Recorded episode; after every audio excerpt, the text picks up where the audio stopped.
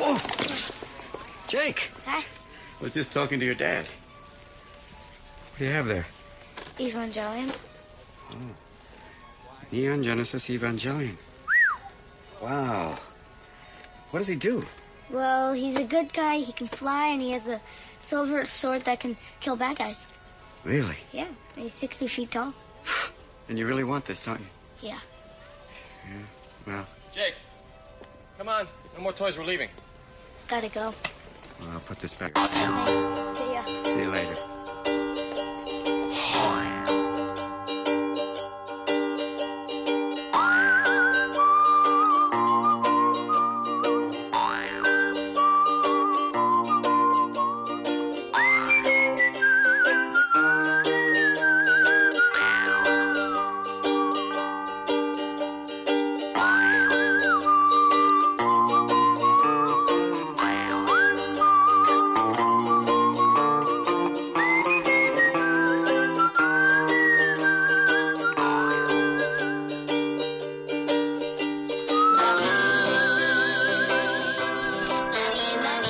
Velkommen til en ny episode av uh, Lolbua. Mitt navn er Jon Cato, og med meg så har jeg mine to kompanjonger Lars Rikard og uh, Magnus. Lolblua. Hallo, hallo. Lolblua. Ja, det var, kjente dere igjen filmen vi spilte et klipp fra her før uh, melodien? Var det Big?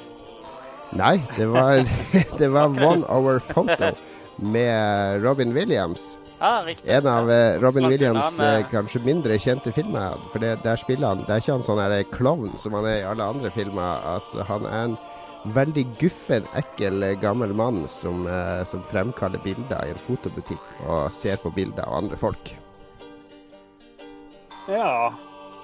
Så det var jo hyggelig på, på denne dagen. Å si noe mer vil jo kanskje røpe hele filmen. hvis noen plutselig... Nå skal jo alle se alt av Robin Williams, tenker jeg. Ja, ja, ja. Det skal jo alle. Og det er jo mye bra filmer med han. Nei, han døde jo i natt, eller i går kveld, eller i morges. I hvert fall så hørte jeg nyheten da jeg våkna i, i morges. Og det, det, er jo, det er jo sånn at folk eh, blir jo gamle, og de dør, og selv om de tar livet av hverandre, sånn som visstnok har skjedd Eller av seg sjøl, sånn som visstnok har skjedd her, så så med sånne sosiale medier og sånn, så blir det jo sånn at plutselig skal man ha sånn her kollektiv sørging hver gang en eller annen eh, gammel storhet dør. Så man kan jo ikke unngå å få det med seg. Du legger jo opp til det, i hvert fall, at vi skal sørge litt her. Ja, det blir det voldsomt med tributes og eh, intervjuklipp, og folk eh, gjør sitt beste for å komme på de beste anekdotene og sånne ting, eh, føler jeg da. Det er nesten litt sånn eh, makabert, nesten, synes jeg. Jeg, jeg fikk det med meg, jeg la meg skikkelig seint i natt, så jeg fikk det med meg før jeg sovna. Så tenkte jeg hm, blir jeg ligge og tenke på det her? Men nei da, sovna med en gang. Så har jeg funnet ut at jeg, jeg vet ikke om jeg blir Det er jo synd at han døde og sånn, men eh, Og man skal jo ikke måle et dødsfall opp mot et annet, men da han eh, forrige fyren vi hadde tribute til, døde, hva han het for noe, han eh, skuespilleren, det også? Og Paul Walker, Nei! det var ikke han du mente. Nei, vi hadde jo eget segment. Han som var med i uh, Big Lebowski. alt. Ja, ja, ja, han uh, Hva har det for? Vi har glemt han allerede. Gud, så trist. Så fort går det. Ja, så fort går. Aska spredd for vinden, og da er det glemt fra vårt sinn. Ingen som husker det. Men uansett, han syns jeg det var mye mer synd døde på en eller annen vis. Eller jeg kjente oi, han blir der savner litt. Tydeligvis ikke Det var Philip Seymour Hoffman. Tydeligvis. Ja. Men jo, men, men for meg så er det også at det går sånn grense. Altså, etter de er fylt 60, så er det egentlig meninga at man skal dø. Altså, da, da står du med med én fot i grava. Så hvis du dør etter du er 60, så er det OK, naturen har gått sin gang. Det var trist, du har laga mye bra, men sånn som Philip Seymour Hoffman Det gjør mye mer impact når han ikke har fylt 60 ennå, syns jeg. Jo da. Det blir jo, jo yngre, jo mer tragisk. Så eh, klart det. Hvis Michael Jackson hadde dødd da han var 23, så hadde det jo vært helt krise. Men nå var det bare litt krise rundt omkring i verden. Men Robin Williams var jo en, en kul fyr, og min, min favorittfilm med han, det er faktisk One Hour Photo. Den, den husker jeg utrolig godt. Det er sikkert fordi jeg jobba på, på Akersmik på den tida, og da lånte jeg hjem alt av laserdisk og filmer og DVD-er og sånn. Og det var en jeg så som egentlig Det var ikke noen veldig kjent film, men den, den var så uvant til å være han, pluss at den var sånn skikkelig creepy. Så, så den eh, Hva med dere? Uh, godt spørsmål. Uh, altså, Robin Williams er jo, er jo egentlig Eller han var jo egentlig Ja, det er komiker. men skuespilleren, ikke sangeren, Magnus. Ja, hva sa jeg? Det, er sikkert mange i dag som har trodd at han der eh, gamle boyband-vokalisten som gikk solo, har dødd. Eh, Robbie. Robbie Williams. Eh, men Robin Williams var jo som kjent komiker. Men jeg syns egentlig ikke han har gjort noe særlig god jobb som komiker i, i noen ting, egentlig. Jeg kommer, What? jeg kommer ikke på noen Ingenting. Si en morsom, si en morsom Altså, film mannen er ikke i grava engang, så sitter du her og disser hans uh, Nei, humorevne. men, eh, nei, men jeg har et poeng. Poenget mitt er at uh, noe som er veldig sjelden blant komikere, er at uh, han er egentlig mye bedre som en seriøs skuespiller. Eller han var. Så uh, Nei, jeg vet ikke. Good Will Hunting hadde han kanskje den mest sympatiske rollen han har hatt i noen film, mener jeg da. Forteller deg noe morsomt han gjorde. over- Fordi når, når Han var jo Han og Christopher Reeve, han som spilte Supermann i de gamle Supermann-filmene, de var jo eh, Mm. bestekompiser. De bodde jo i lag når de gikk på, eh, på acting school og sånn. Delte Mm. hybel. Og de var sånn der eh, Best Friends for Life-opplegg. og når Christopher Reeve eh, ble lam etter en ulykke der eh, så, så var det jo masse drama på sjukehuset og sånn, men når han, når han begynte å våkne til og komme til, så kom det inn en sånn kirurg. Med en sånn kirurgmaske. Så familien visste ikke hvem, det, hvem den kirurgen var. Han bare dukka opp og for å kløna masse og velta blomster og drit og lort. Og Det var Robin Williams da som hadde kledd seg ut. Og det sa Christopher Reed. Det var liksom første gang på en uke at han hadde ledd når den der idiotdoktoren kom inn og bare kløna til alt. Det var hans måte, liksom, å, å komme inn og, og bearbeide sin sorg og, og pleie vennen sin på. Mm. Riktig. Hva var den første filmen vi så med han? For meg så var det kanskje den der Good Morning Vietnam, eller hva mener den het. Ja. Den syns jeg var ganske kul da, og så så jeg den i, for et års tid siden eller to. Prøvde å se den, men jeg klarte ikke å gjøre den ferdig, fordi jeg vet ikke. Da var den ikke så relevant for meg lenger. Så har du jo eh, den ja, Terry. Gilliam-filmen Fisher King òg, da. Ja, ja. Den var jo kul. Men uh, det var en film jeg av en eller annen grunn ikke uh, kicka helt på da, da det sto på som verst. Ja, ja. Nok Robin Williams. Vi, vi tar som kjent opp populærkultur eh, fra alle segmenter av kulturlivet her i eh, Lolbua. Så nå har vi snakka litt om eh, Robin Williams. Og det, han, det må vi også nevne, han var jo faktisk eh, Det klippet jeg spilte i starten, der står han i en butikk, og så er det en gutt som viser fram en Neon Genesis Evangelion-figur. Som jo er en veldig veldig kjent eh, anime-serie. Og det var en serie som Robin Williams var en stor fan av sjøl. Altså, han insisterte på at eh, det skulle egentlig være en sånn annen leke i den scenen, men han bytta den ut med, med den der eh, Neon Genesis-greia. Fordi han var fan. Han var også stor spillfan. Han uh, var jo glad i Zelda, og uh, vår uh, venn Thomas Marinovskij la jo ut et bilde han har tatt av han på E3, der han står på EA-stand og spiller et eller annet spill i, på E3 i 2006. Så han var, han var glad i spill. Ja, han kalte jo dattera si for Selda, og det er jo kjent trivia. Det er jo litt morsomt. Så var han var vel med i de siste de her Ja, han var med i en del. Nintendo-reklamer i Ja. USA, sammen med dattera òg. Men, men hel, den greia med dattera, den har jeg også lest at det, er, Du har en sønn, han eldste sønnen, som heter Zack med Z. Så han som foreslo at hun kunne hete Zelda, for da ble det Zack og Zelda. ja. Og så har det Ja. Men det er bra navn på ungen sin, det. Jeg foreslo jo Mario og Luigi til mine to yngste, det, men det gikk jo selvfølgelig ikke hjem. Nei, men, Dårlig opplegg, altså. da har vi hatt et tårevåt eh, avskjed med Robin Williams. Rest in Robin Det var peace! Ja, vi kan jo ikke late som at vi er mer trist enn vi er. Kan vi det? Nei, men man skulle jo tro at det var sånn der verdenssorg når man går på Twitter og ser alle som er helt eh, i tårer over at Robin Williams er gått bort. Det er så mange jeg aldri har sett eller hørt nevne Robin, William, Robin Williams noen gang, egentlig. Som, som nå er der som om det var liksom bestefar som hadde tatt Ja, men Jeg går nå bare ut fra at folk er lei seg når, når noen kjente som de har hatt et eller annet distanseforhold til, dør. Altså det, Men ja. Kanskje- ja, men folk må få sørge på sine måter. Kanskje det er minner dem om at de sjøl skal dø. Kanskje det er der det ligger, egentlig. Kanskje det, Hvis vi kanskje det. skal, hvis vi skal bli dyp dyr. det tror jeg det. Ja, vi sier det. Vi sier det. Men det her skal ikke være en Robin Williams spesial. Det her skal være en, eh, det er en stor spillmesse som foregår i Tyskland denne uka. Den har akkurat eh, Den har ikke sånn offisielt åpna ennå. Det er akkurat som på Etre, så snikåpner de med disse eh, presse... Vi kan ikke kalle det pressekonferanser. Nei. Pre- Pre-shows, eller hva du skal kalle det, der det sitter masse pressefolk eh, og prøve å koble seg på wifi-nettet, så at de kan surfe på nettet, i stedet for å se alle trailerne. Sitte og tweete. Ja. Ja. Mens vi som sitter hjemme, vi kan sitte og drikke øl og whisky og hånle av alt det tåpelige som skjer på scenen. Og det har vært to pressekonferanser i dag. Det har vært Sony sin og Microsoft sin, og de skal vi snakke om i detalj ganske snart. Men først så må vi jo oppsummere hva vi har gjort de siste dagene. Oh yeah. Hvem, Og, eh, Magnus har ikke skrevet noe som helst i sendeskjemaet her, så da kan Magnus få begynne med å fylle oss inn med en verbal oppsummering. Eh, Ja, jeg tror den er ca. like lang. Jeg, jeg har ikke gjort så veldig mye i helga. Jeg kjøpte meg, jeg kjøpte meg iskremmaskin. Sånn skikkelig en. En iskremmaskin. Uh, iskremmaskin. Oh, ja, ja. Uh, Såkalt fryser. tørris og alt. eh, nei, dette er en sånn her eh, Det er en sånn her kjerner med egen kompressor, som ikke Så du trenger ikke fryse ned noe element på forhånd eller noe. Den laver isen uh, helt sjøl, da. Du Eh, må jo eh, være morsom ekstremt glad i is for å kjøpe en iskremmaskin. Er du så glad i is?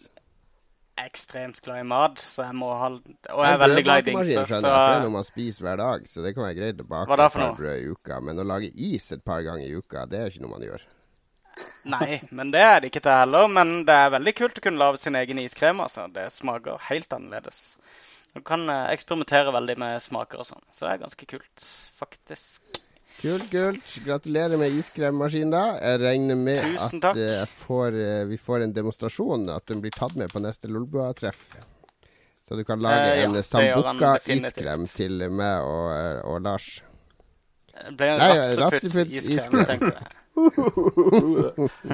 Det Lars eh, grøsser fortsatt ved tanken på eh, Det var sånn Magnus fikk plass i Lolbua, for det var jo bare jeg og Lars først, og så skjenka han oss full på Razziputs under NM i Gameplay. Og da, dagen etter så satt vi, lå, våkna vi plutselig med en sånn kontrakt der det sto at Magnus nå var tredjeparten. Magnus eier faktisk Lolbua. Vi får lov å være med. Jeg eier jeg, Jeg gjør fikk ganske stor del av de 500 000 i hvert fall som, eh, som dukka opp nå nylig. Ja, lever Jeg har, jeg to spennende ting som har skjedd i mitt liv i det siste. Det ene var at jeg var jo på Vestlandet når denne ekstremstormen Lena, hvis jeg husker rett at den het, den, den rulla jo inn på, over Vestlandet på lørdag kveld. Og da var vi på sånn slektstreff der borte, men jeg skulle dra hjem med ungene litt sånn tidlig. Og da var det et hus rett oppfor der vi bodde, der et helt tre hadde blitt blåst over ende og inn i taket på huset. Det var et digert tre, altså. Så, så vi, eh, han ene kiden i bilen, en sånn 16-åring, eh, han eh, tok bildet, bilde, gikk ut av bilen og tok bilde av det treet som, som hadde knust huset. Og så kom vi ned til huset, da så vi, huset vårt, da, og da så vi jo på VG og alle andre. De ville jo selvfølgelig ha lesebilder fra stormen, for de har jo ikke fotojournalister lenger på payrollen sin, så de er jo avhengig av at lesere sender de bilder av alt som skjer. Så han eh, ja. sendte jo inn det bildet, da, og det kom jo på toppen av førstesida til VG. Og han har fortsatt ikke fått fotokreditt.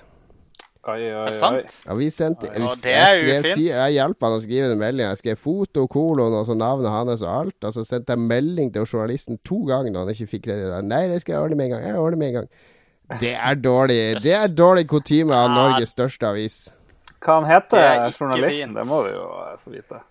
Jeg, jeg skal ikke henge henne ut her, men eh, jeg skal, eh, jeg skal eh, ta det med mine kontakter i VG. Det her Men han får jo honorar, da. Han får jo hele 500 kroner for å ha gitt et bilde til forsida. Oi, oi, oi. Ja. oi, oi, oi. Som, som de vanligvis ville betalt De kaller det fortsatt tusentipset, da. Det skjønner jeg ikke helt. Ja. Har, har det gått ned i verdi? Ja, det, du får ikke tilbud om noe penger. Det er først hvis du spør, og da er det sånn her Ja, han kan få 500 kroner. Det er jo ingenting. Jeg skjønner jo at andre aviser betaler lite, men VG er vel en av de eneste nesten som har råd til å betale ordentlig lenger her i landet. Men hadde det vært en liten avis, så skjønner jeg godt. Fordi folk betaler jo ikke for De kjøper ikke papiraviser lenger, og de gidder ikke å betale for å få lesning på nett. Selvfølgelig er det litt penger å få, men VG det er unntaket. De er rike.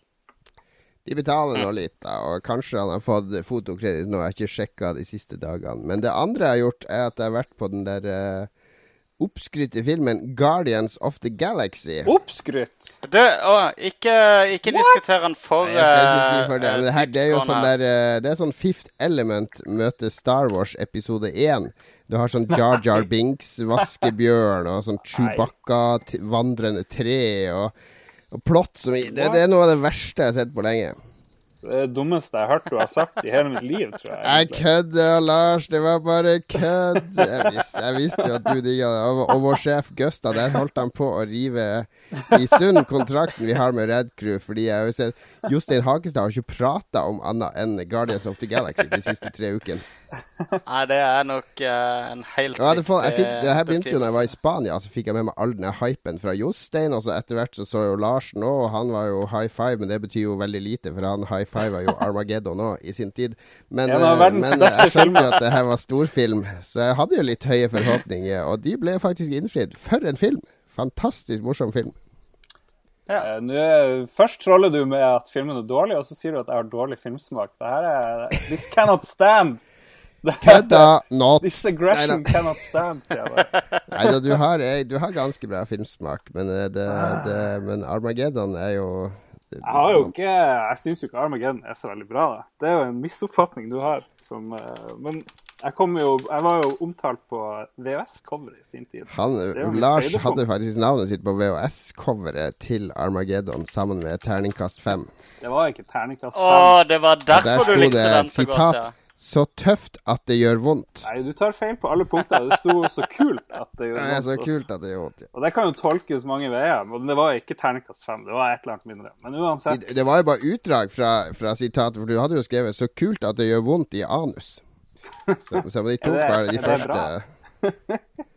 OK. Ja ja, whatever. Det er også et godt spørsmål.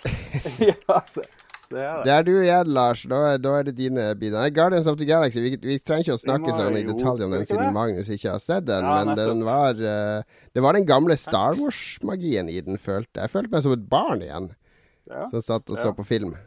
Jo, det er, det, det er et eller annet eh, i denne filmen som gjør Og så er det noe med at de ikke tar seg sjøl så seriøst. Det er så mye tunge tunge actionfilmer som skal være så, ha sånn tungsinn hele tida.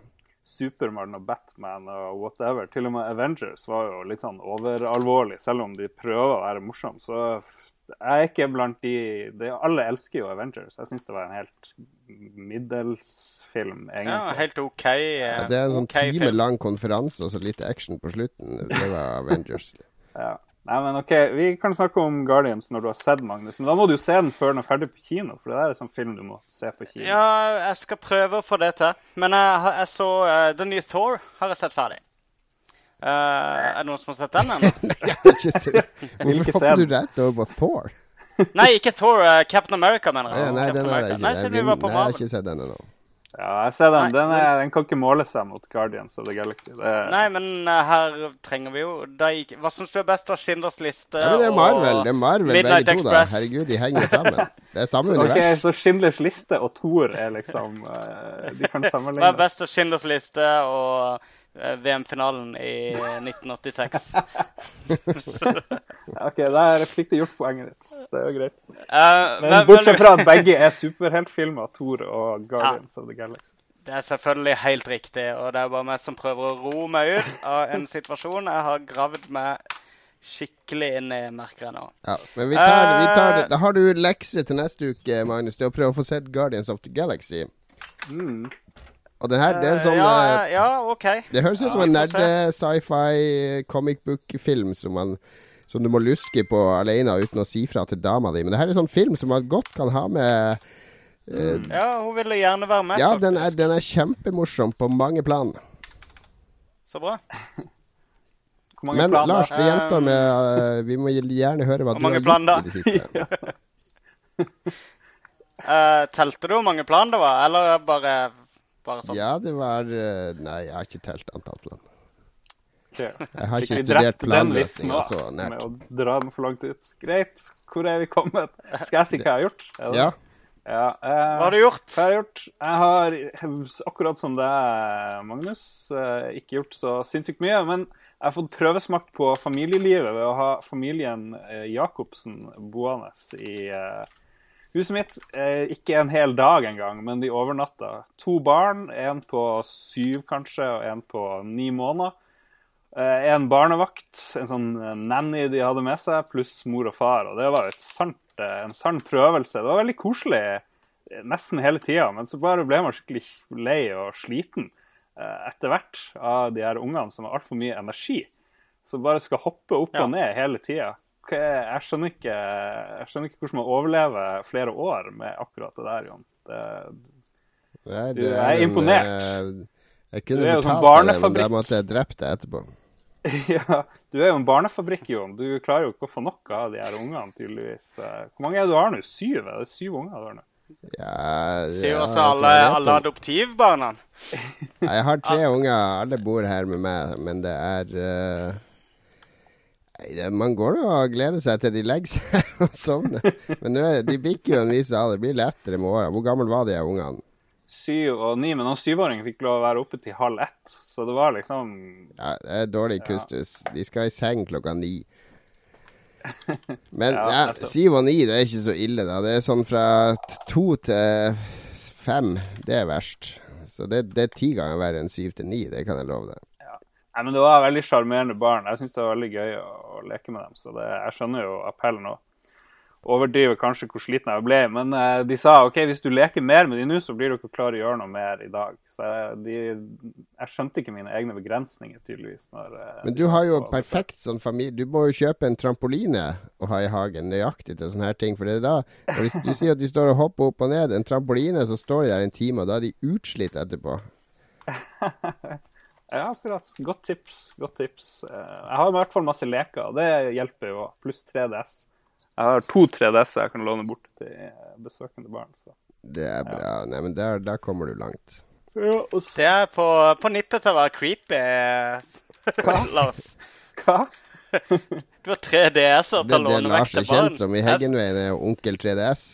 Ja, ja, ja. Barn som kommer frivillig på besøk. Ikke de er Hvor skal dere barn? de de ligger innerst 3DS. De barna er De Ja, da- der er det alltid spill å spille. ja. Vi må bare sitte på fanget hans mens i vi spiller. Innerst i vennen til Lars. De ungene er Der kidnappet, de får ikke 3DS. De får bare NES eh, med sånn sliten kontroller. Ja. Ellers har jeg begynt på jobb denne uka, og det var slitsomt. Det var Eller jeg Nei, nå var det andre uka på jobb, men nå var det sånn vanlig vakt. I forrige uke var det bare litt jobb, og nå var det sånn vanlig. Oi, oi, oi. Jon, du kan være glad for at du ikke har ordentlig jobb, og sammen med deg, Magnus. Bare gru deg til du er ferdig på det BI-kjøret ditt, eller hva det er. Ja. Uff. Hva, hva skjer da? Nei, da må du jobbe. Da må du opp tidlig og sånt. Det er jo helt vilt. ja, jeg må jo, du må jo opp tidlig når du har tre barn òg, da, Lars. Hvis du ikke har fått det med deg. Ja, men så kan du gå og legge deg etterpå. Det kan ikke jeg gjøre. Ikke sant? Nei, det kan man ikke Jeg må opp halv syv eh, når jeg skal Men nok når jeg ungeprat nå. Vi er, vi er lolbua, ikke barnebua. Det er helt Vi skal over til dagens tema. Det er Gamescom. Og der uh, har vi sett eh, to pressekonferanser i dag. Presseshow. Jeg må slutte å kalle dem for pressekonferanser i dag. Og det var Microsoft som var først ute. Hva var det vi fikk se der, Lars? For å være helt korrekt så var det jo i går det begynte med Electronic Arts og Xbox som hadde Call of Duty, men det hadde de jo i dag òg, så vi kan jo egentlig hoppe Activision og over det. Xbox, ja. ja. Og det var, jo, det var jo litt kjedelig, kanskje, i går. Litt. Men ja, ja. Nei, eh, Xbox begynte jo med han her eh, duden Jeg syns jo alle de her eh, alle de her folkene som leder de pressekonferansene, var litt sånn heslige denne gangen. Jeg vet ikke, Det syns jeg også med Xbox. Men det de begynte med å si, det var jo at Xbox One will be the best play, place to play this holiday. Og jeg vet ikke. Det er jo greit at de syns det. Og så kom det en sånn her oppramsing av alle de store titlene de har. Det er eh, GTA og Destiny nevnte de selvfølgelig, og Sunset Overdrive og Fifa. Og så var det en sånn Assassin's Creed-film eh, som begynte det hele. Jeg vet ikke, Har vi fortsatt lyst til å spille Assassin's Creed Unity? Ja, det blir sikkert Når det kommer, ja. Men jeg orker ikke å sitte og se på filmer og de tusen trailerne de skal legge ut de neste to månedene. Nei. Ja. Og så kom han eh, Peter Schmeichel, og så var Ja, det det masse det. Fifa. Ja. Det var jo Ja, Da har jeg sittet attmed på sushibar på Heathrow en gang. Oi! Har du det? Ja, ja, ja. Det er sånn eh, med sånn bånd på, der det kommer sånn sushi i boller. Så jeg måtte bruke to hender for å løfte en sånn bolle, men han bare for med de svære keeperhendene sine. Bare løfta én og én med ene hånda mens han kunne lese med den andre. Det var, jeg ble imponert. Selvfølgelig gjorde han det. Alt annet ville vært feil. Big hands and big feet, you ladies know what that mean? Big gloves and big shoes. Det er Robin Williams-vits. Ja, det er kanskje det. Se, nå er det Nå begynner det å bli er Lolbua. Er Begynner å bli tak i, i de der hyllestene her. Men hva var høydepunkt? Hva var det? det? Det var et stort sjokk på Xbox One, eh, eller Xbox-brifinga, og det var jo at det nye Tomb Raider Hva heter det? Du Rise of hoppe, the du Tomb må ikke hoppe eh, for mye frem her. Vi skal ta det i rekkefølge. OK, OK, OK. okay. Etter han Schmeichel, og jeg syns jo Fifa er litt boring, så kom det en kjempelang sekvens med der eh, ID at Xbox. Jeg vet ikke hva ID står for. Independent Det er id. Det er sånn muslimsk høytid. Ja. Id at Xbox. Og der kom vel kanskje den Det er sikkert independent developer. Ja, det er i Independent Developer. Helt riktig, Ja. Magnus. Ett poeng til deg. ja. Tu tusen takk. Tusen Og da kom han dårligste av alle de her programlederne eh, i løpet av helga, tror jeg. Kanskje med unntak av han som hadde alt på Sony. Og så var det liksom masse, masse, masse independent games. Blant annet det der Superhot, hvor de drev og plagsomt sa Superhot, Superhot gjennom hele Ja, det er det spillet det der, der tida står i ro, bortsett fra når du beveger deg. Ja, har du ikke spilt det på PC? Jeg prøvde det på sånn Jeg har ikke prøvd det. jeg har ikke- Det ser jo artig ut. Jo, det var Men det var jo den offisielle Det var den offisielle traileren for spillet som du irriterer deg over nå. Ja, det var det. Jo, Spillet var helt OK, Ja. men de må gjøre noe mer på Xbox. For det var egentlig bare ikke så veldig mange levels. Så går du fremover, så er det fiender som er, alle er røde. Og så hvis du går, så går tida fort. Eller hvordan det nå var. Og hvis du bare står i ro, så går tida sakte. Så hvis det kommer masse kule mot, så kan du bare gå sånn. Alt er en bullet time, egentlig. eh, Men, men de viste jo også det der eh, som jeg syns er veldig spennende, der Above. Below, mener du? Ja. Below, Eller, mener du. below. Ja, er det Cappy, er det de som lager det? Ja, ja, ja. Nei, det er, det er de der danske, er det ikke det som lager Below? Nei, det er de som De, har Det er, lagd det er ikke Limbo-folka. Det er, de heter uh, Er det ikke Limbo-folka? Og de er uh, eh, Det er eksklusivt på Xbox, tror jeg. Det er de som lagde Swords and Sorcery, er det ikke det? Ja, de var med og lagde det. Eh, De som lagde, oh, de, ja? de, som lagde Limbo, de- spillet deres heter Inside, eller noe sånt. Eh, Magnus. Ja, nettopp. En annen prepos preposisjon. Ja. Jeg tror det var en svær Eh. artikkel om det der eh, Below i forrige Edge eller noe sånt. Og der, der, eh, det er jo sånn Dark Souls-inspirert med rogelike-elementer og alt mulig. Så jeg syns det, Mm. det ser dødsbra ut. Jo, kjempe, Ja, det kjempebra. Jeg tror det, det er jo folk som har fått prøve det allerede. Og det er vel sånn at skjermen, skjermen din, hvis du har en svær plasma, er jo ganske stor. Men karakterene er bare bitte, bitte små midt Ja, ja, ja. inne på skjermen. Så ja, litt annerledes. Sikkert kjempemasse bra musikk og stemning. eh, Ja, det er Jim Guthrie-musikk. Han er jo briljant. Han er jo geni. Uh, Videogame The Movie og hva annet han har lagd? Indie, indie Game Indie det game, var han game. til. Og Sword and uh, Sorcery-spillet. Ja. Ja. Og så kommer det et spill fra Team 17 som heter The Escapist, eller Escapist, eller noe sånt. Som var den fyren i fengselet. Eh, Ja, det er fortrengt allerede. 8-bits-grafikk. Ja, det har jeg. Jeg er jo glad i Team 17. Det var jo de som lagde Worms og sånt. Og, Worms. Ja. Er det de som har laga det, eller de som gir det ut? Ja, det, ja, hvem som er igjen av de gamle Amiga-folkene. Det var jo Prosjekt X, de hadde sånn shooters. Og Team 17 var jo stort en gang i tida, men så har det blitt litt sånn dritt eh, i det siste. Ja, for I sommer så anmeldte jeg et spill som heter eh, Light, som er et sånn indiespill som Team 17 bare er publisher på. Som det er et annet folk som har laga. Så det var bare dritt. Ja, nei, kanskje de bare er publisher, for det ligner ikke så veldig på sånn standard Team 17-greie. Eh, så kommer Goat Simulator. Kan vi jo, Jeg vet ikke hvor eh, excited vi skal være for det. Så kommer Nei, men dette var jo bare en sånn oppramsing av indiespill, ikke sant? jo. Så, Men det er jo- Som de allerede har annonsert, var det ikke det? Ja, det meste var vel eh, annonsert. Kanskje ikke det der Space Engineers. Det tror jeg var nytt. Det der eh, romspillet hvor Ja, du der, bygge Ja. romstasjoner og sånt. Det så litt kul ut. Den grafikken så litt crap ut, da. Det gjorde den.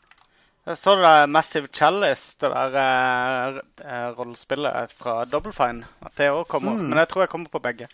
Så det blir kult. Ja, ja. Jeg lurer på om de sa at alt det der skulle komme først. Vi må ikke sitte her nå og liste opp alle disse spillene. Da gjør vi bare Microsoft en tjeneste. Vi Det er det de vil. vi skal Kenneth, vi liste opp alle videre. titlene. Vi må jo dra frem hva var det, hva var det som eh, Hva var det folk husker? Hva var det som sto igjen i overskriften etter den her pressekonferansen? Ja, men må du, eh, Vi blir jo glemme viktige ting. F.eks. etter det så kom Call of Duty-sekvensen med masse bilkjøring som så skikkelig dårlig ut. Jeg ble ganske skuffa av det, i hvert fall. Ja, og så var det noe skyting på en bro.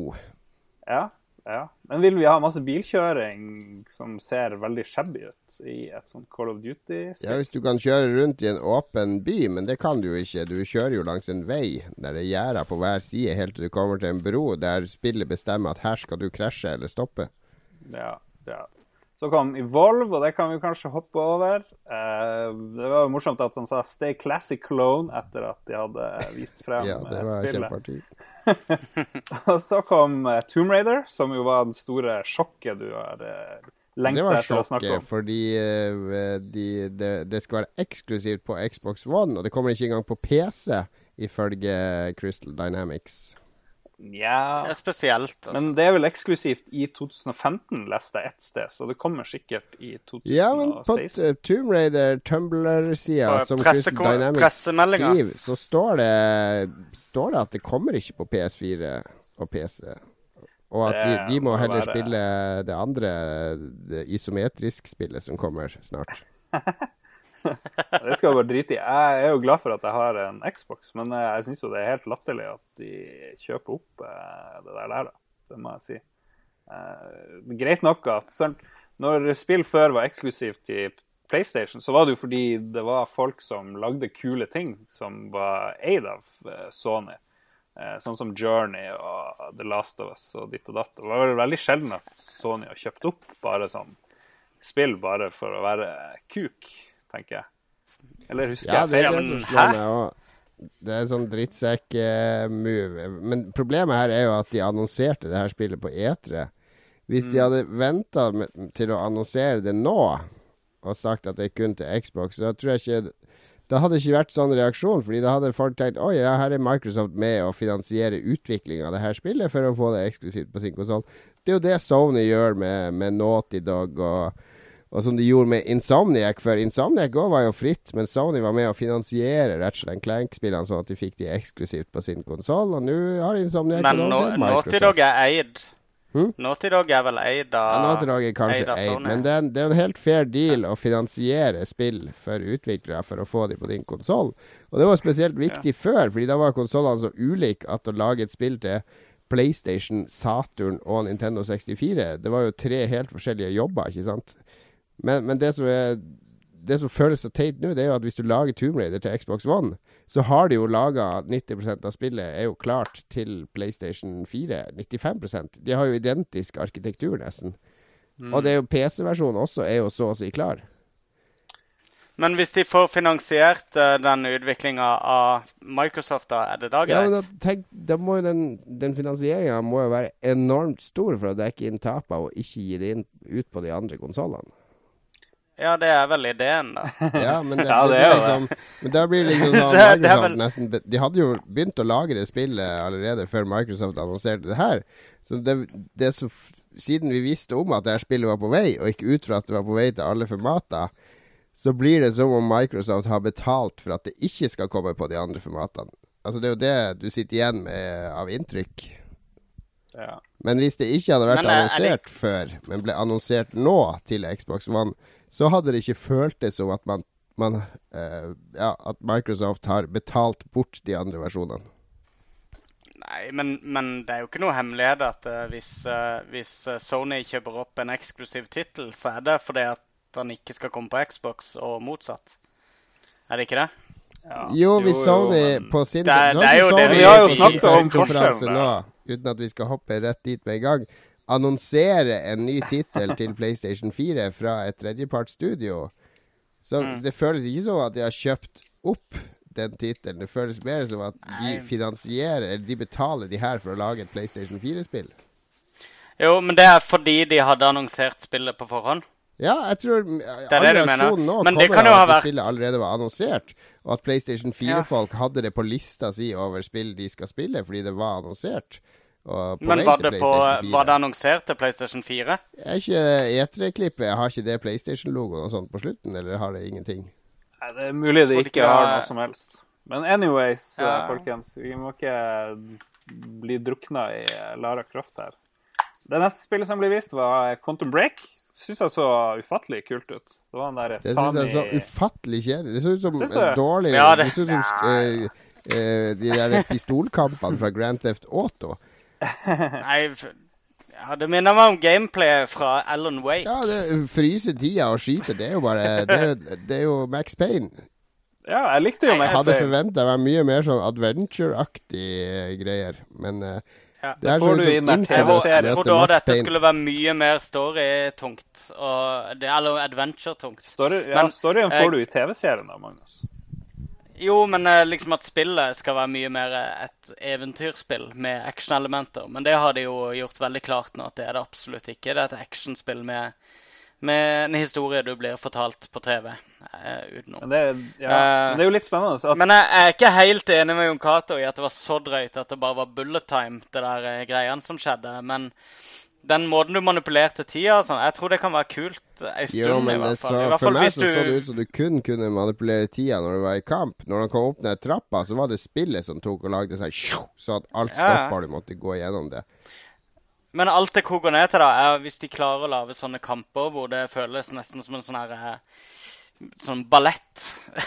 Når du gjør det riktig, da. Hvis du klarer sånn grasiøst å manipulere deg gjennom svære horder med fiender, eh, så kan det bli ganske kult. Men, men sånn det var lagt opp her, så var det mer bare å uh, frys han så han står helt stille, så jeg kan tømme magasinet igjen. det var og så liksom la det oss nivået det sende ut en fiende som har uh, på seg sånn panserrustning foran og bak, og en diger hjelm og en gigantisk våpen, Ja. som skjer i alle Call of Duty-spill. Alle sånne first person shooters, actionspill, så skjer det i. men, eh, men har de lagd noen dårlige spill egentlig, de her guttene? Var det ikke eh, Max Payne, Ja, og så kom det. Alan Wake, og så kom det her? Alan, ja, Alan Wake var jo ganske dårlig. Nei, Det var uh, akkurat som jeg sa, som jeg sa til deg tidligere, Jon helt Cato. Max Payne-spillene har heller ikke holdt seg så godt. Jeg spilte de aldri når de var nye, så jeg bare spilte i ettertid. Jeg, er ikke- jeg syns ikke de er så bra. Men uh, som jeg sa til deg tidligere, òg, Jon, det, den greia med, med Quantum Break, det er det, det er det samme egentlig som Alan Wake. Det er, det er det med at du føler at du, eh, du ser på et spill som egentlig ble eh, liksom kokt sammen, da. Eller de, de begynte ideen for syv år siden. Sånn seks-syv år siden da, så begynte de på utviklinga, og da var det en fresh, fet gameplay i det. Men så har bare ting skjedd i mellomtida som har gjort at det har bare blitt helt sånn uaktuelt. mulig. Og det var det som skjedde med Alan Waker, for de ditcha det jo så sykt mange ganger. De brukte jo syv år, tror jeg, på, på å lage det spillet. Og da endte de opp med å lage et spill som for syv, syv år tidligere ville vært fantastisk. Og i stedet for endte opp med bare noe sånn her grøt av sånn her oppkok av det de hadde igjen av, av gameplay etter at alt var klippa vekk. Tiden får vise Så, om det blir et eh, bra spill. Skjønte du det er pønn? Det er en pønn. Det er tiden. Han kan fryse tid og sånn. Eh, dere vet jo at eh, Remedy var jo lagd av folk fra Future Crew og sånne demogrupper. og Det syntes jeg så i de her effektene når ting ble frosset. og Det så utrolig fett utrolig da tror jeg du var full når du så det. Så nei, nei, nei. nei. Neida, det, Ser du The det tidligere. Silence-ting i Battlefield da? For det er jo også laga av en gammel svensk demogruppe. Nei, men her var det jo sånn at du ble ripple, så ting stoppa. ikke sant? Og det var mye sånne kule grafiske Ja, de lager pene spill, det er det ingen tvil om. Men uh, ja, vi får se. Ja, OK. Skal vi se. Det neste var jo uh, også en høydere, kanskje. Eh, Det var i hvert fall mitt russenavn, Screamride. Jeg har glemt hva det var. Hva var det slags spill? Det er russenavnet ditt. Var det Ja, men hva var det slags spill? Du, det er Frontier. Det var, Det er eh, det David Brabban-studio. David Brabben var jo han som lagde Elite sammen Mm. med Ian Bell på 80-tallet. Uh, Ja, siden da det så har han vel strengt tatt ikke laga et veldig bra spill. Han lagde det der uh, Dogs Life på PlayStation 2, der det kunne lukte sånn farger var lukte, og du skulle være en hund.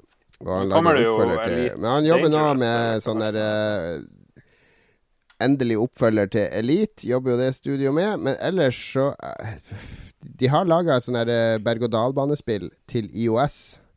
Og det her ser ut som en videreføring av det spillet til uh, Jeg tipper det til Kinect, fordi det samme studioet har også laga Disneyland Adventures til Kinect. Så det, de, det var ingenting uh, Det ser jo ut som du kan Det skal jo designe berg-og-dal-bane og sånn. Det ser ut som det kan gjøre seg på Kinect, faktisk, det spillet. Altså, jeg tror det blir et Ja. Kinect-spill.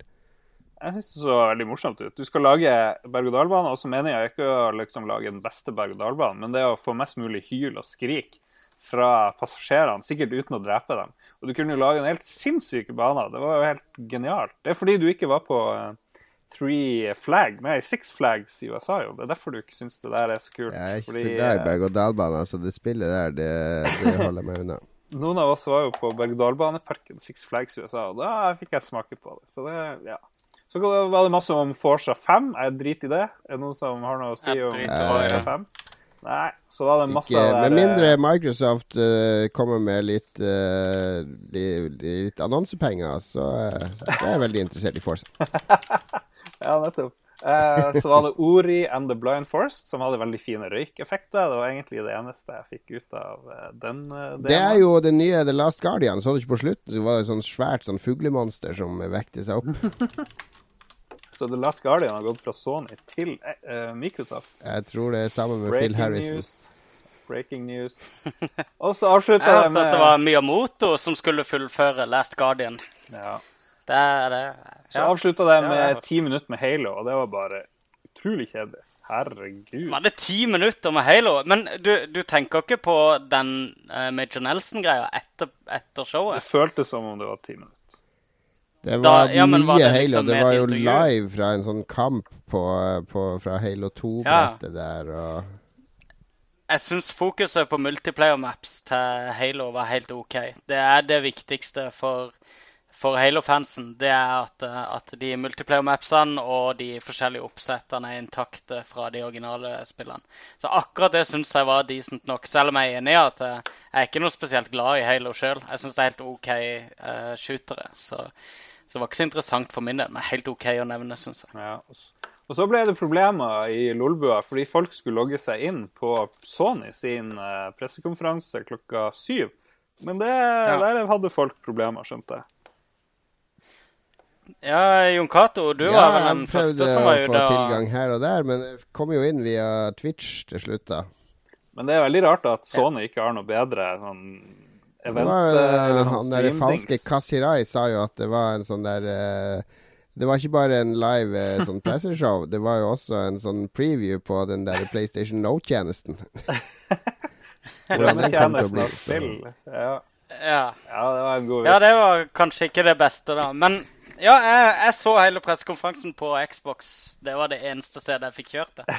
Og eh, da hadde jeg helt ærlig prøvd veldig lenge på PlayStation 4-en min å få finne en måte å se pressekonferansen på. Jeg syns det er merkelig at ikke de utvikler en liten sånn event-app som Microsoft har hatt både på Xbox 360 og Xbox Ja, og som Apple har på, på Apple TV. Ja, ja. Der dukker det opp sånn eget ikon med, med eventet før. før.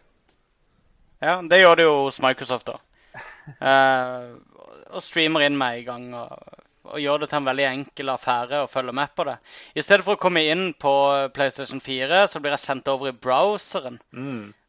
Der jeg må i gang og klikke på masse greier, og så kommer jeg inn og så får jeg masse tekst om Gamescom. Jeg fant ikke den videoen engang på PlayStation-bloggen via PlayStation 4. da. Ja. Så eh, en bitter affære. Men det gikk jo raskt over etter at eh, det faktisk begynte. da. Det var det ikke så Det første vi fikk se, det var vel eh, noe som heter Tomorrow Children fra de her Q Games, som jeg ikke helt uh, husker hva har gjort. Er det de her Pixel Junk-folka, jo. Det er Pixel Junk-folka, ja. Og så sa de at nå skulle det være i 3D. Og så ble jeg veldig usikker på om spillet var ment å skulle spilles med 3D-briller, for det var litt sånn her 3D-farger i det hele. Men det så jo veldig fint ut. Det var sånn eh, 3D-grafikk, i motsetning til Pixel Junk-spillene som bestandig er i 2D, eller bare ett plan på et vis. Men her var det liksom en sånn lekeverden med sånne plastdukker. Altså veldig fint og vakkert ut, uten at jeg skjønner noe som helst hva gameplayet var. Men jeg likte det jeg så, da. Ja, vi sier hmm. Jeg, f jeg fikk ikke noe følelse av det i det hele tatt. Jeg, jeg fikk ikke sett hele traileren heller, så Ja. Kanskje det viser seg å være bedre enn jeg hadde inntrykk av at det kom til å bli. ja. Så var det noe som het eh, The End. Så var det noe som het The Vanishing of Ethan Carter, som vel er et sånn uh, adventure game. Med, som så Ja, er ikke det. Det er han der uh, uh, Det heter The Astronauts, i hvert fall de som lager det. Jeg vet ikke helt. Dette har jeg, jeg har snakka om det før. Ja, det har Eh, du. Ja, jeg leste en artikkel om det for eh, halvt års tid siden. For jeg er så hipster når det kommer til adventure-spill. Eh, ja, det skal være dritkult. Eh, jeg fikk ikke med meg det heller en gang at de viste det. Jeg var litt treigt inne, tydeligvis. i... Uh, Du har ikke fått med deg noe som helst? Ja. jo, jeg fikk med meg litt av den før. Så Ja, det, det er de, det er de det er Adrian uh, Schmelars Schmelars. Eh, De er han People Can Fly, husker dere de? De lagde det Ja. fantastisk morsomme Bulletstorm uh, for Epic. Yes. Eh, det, det, det, han leda det studioet, han brøt ut sammen med et par andre, og så lagde de eh, Det er de som lager det spillet her, da. Og han er veldig veldig flink, han der Adrian. Han har jeg intervjua en gang. Han er utrolig oppegående polsk eh, Det er polsk studio, så det, det kan bli ja. veldig bra, faktisk. ja. Det er definitivt på PS4-lista mi for i år. Det, er- jeg Eller, tror ikke det er det i er år? PS4-eksklusivt. Det er bare First on PS4. Da. Det er PC og PS4. Ja, det er uh, PC og First on PS4, så vidt jeg har Å, ja, okay. Men eh, det, er- det er ikke så farlig. ja. Så kom Nei. han der eh, Mike Biffle, han som lagde eh, Hva enn det heter for noe. Eh, Thomas Was Alone, som er jo et fint sånn indiespill. Og han var den første som fikk liksom scenen for seg sjøl, og det syns jeg var jo litt sånn eh, fin gest av Sony, og vil jo sikkert eh, gjøre sint de som hater indiespill. At de liksom viser at de mener alvor med den indiesatsinga si. For jeg syns jo generelt sett så har eh, viser PS4-campen at de tar det litt mer seriøst enn eh, Ja, Bithel Xbox. Er jo veldig anerkjent i indie-miljøet. Han er jo en, en han er veldig hyggelig på, på Twitter og snakker med alle og gir råd, og er fortsatt en del av det der eh, grunnleggende indie-miljøet. Selv om han hadde stor suksess med Thomas Was Alone, så har han ikke blitt noe sånn stormannsgal. Ja. Det er jo sympatisk. Men eh, altså at, eh, at Sony ville pisse off indie for, eller indie-hatere, tror jeg kanskje ikke var eh, motivasjonen de sin, Lars. Tror du det? Jo, tror du ikke det? Hvorfor Jeg tror ikke de har noe interesse i å pisse off noe av publikummet sitt, egentlig. Nei da, de vil ikke pisse off, uh, men det er jo mange som blir sint for at det kommer sånne indiespill. Eh, Det er ikke Det er jo de som ikke er interessert i det. Så det er at de, de prøver vel å rette seg mot de de har retta seg mot fra starten av. Som er de som er interessert i, i indiespill. Så da må de jo fortsette den. eh, De har fått litt kritikk for Og det skjønner jeg ikke helt, for det, jeg føler det har kommet ganske mye indiespill, har det ikke det, i år? På PS4. Jo, jo, men jeg sier Jo, jo jo det meste er jo ting som har kommet før andre steder. Det er, det er Ja, ikke så mye nytt. Det er jo akkurat det det Ja. Nei, riktig. Så det er jo det de har blitt litt kritisert for, da. At de liksom gikk så hardt ut at vi er liksom indie-scener, og så har de, har de ikke hatt så mye å vise for det, da. Og det er jo derfor de må Da må de jo hente ut disse sympatiske personlighetene på scenen Klart, og, klart, klart. og assosiere seg med med de. Det er jo god, god politikk. Ja. Og så det her er Men, det, Ja. Nei, bare fortsett. Nei, nei, men uh, hvorvidt det har med verdier eller, eller uh, fordi de er så OK Så du tror ikke på At har- at eh, Sony er så veldig interessert i indie, egentlig? Jo, jeg tror de er interessert i hva Indie kan, kan tjene for PlayStation 4. Nei, Men, nå er du eh, jo veldig Nå er du jo Hvem- hvem veldig tror du- kynisk. De her uh, executivesene, de her Shuhei Yoshida, de her folkene, de er jo interessert i små spill.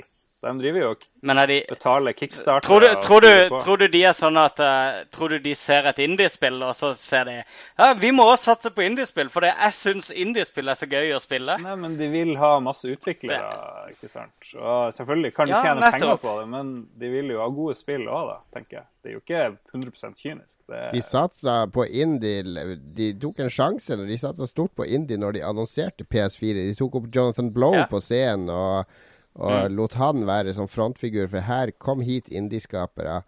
Og, og Microsoft de nevnte ikke indiespill med et ord på sine første presentasjoner. Det var først etter de så at alle indiefolka flykta til Sony at oi, det her må vi jo gjøre. Så at det, Det Sony sin virker mye mer genuint, eh, spør du meg. Altså, de, de er fanebærere. det handler jo ikke om det handler ikke om genuinitet uh, i det hele tatt. Det handler jo bare om hvem er det som, som nevner det. ikke sant? Og de går der in altså Indie-utviklere vil gå der de sine interesser blir stilt. Men, men det er jo selvfølgelig det er jo, det er jo markedstaktikk, dette her. Det det er jo ikke en gjeng med hippier som sitter og holder hverandre i Nei, hendene men og synger de Kumbaya. som at sånn som det var på, på PlayStation 2 og PlayStation 1, Ja. der det kom kanskje ti eh, dobbel A og fem trippel A-titler i måneden. Altså, det kom mye spill, og det kom mye storspill på de, de konsollene. Det er ikke så mange storspill lenger. Det er liksom eh, en håndfull i året.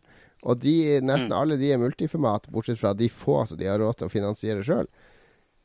Ja, Sånn riktig. at Så det er jeg helt enig. Det er en kjemperasjonell forklaring. Hvor er det fremtida? Og den er jo i indiespillene akkurat nå. Ja, Det er jo en, det er jo en rasjonell eh, motivasjon bak det hele, men jeg tenker òg at det er et genuint ønske om å liksom fremme spillmediet på mer enn bare det de tjener sjøl, tror jeg, da. Men Hvis Sony hadde tapt like mye på spilldelen som de tapte på 3D-TV-er, så tror jeg de hadde ditcha spill totalt.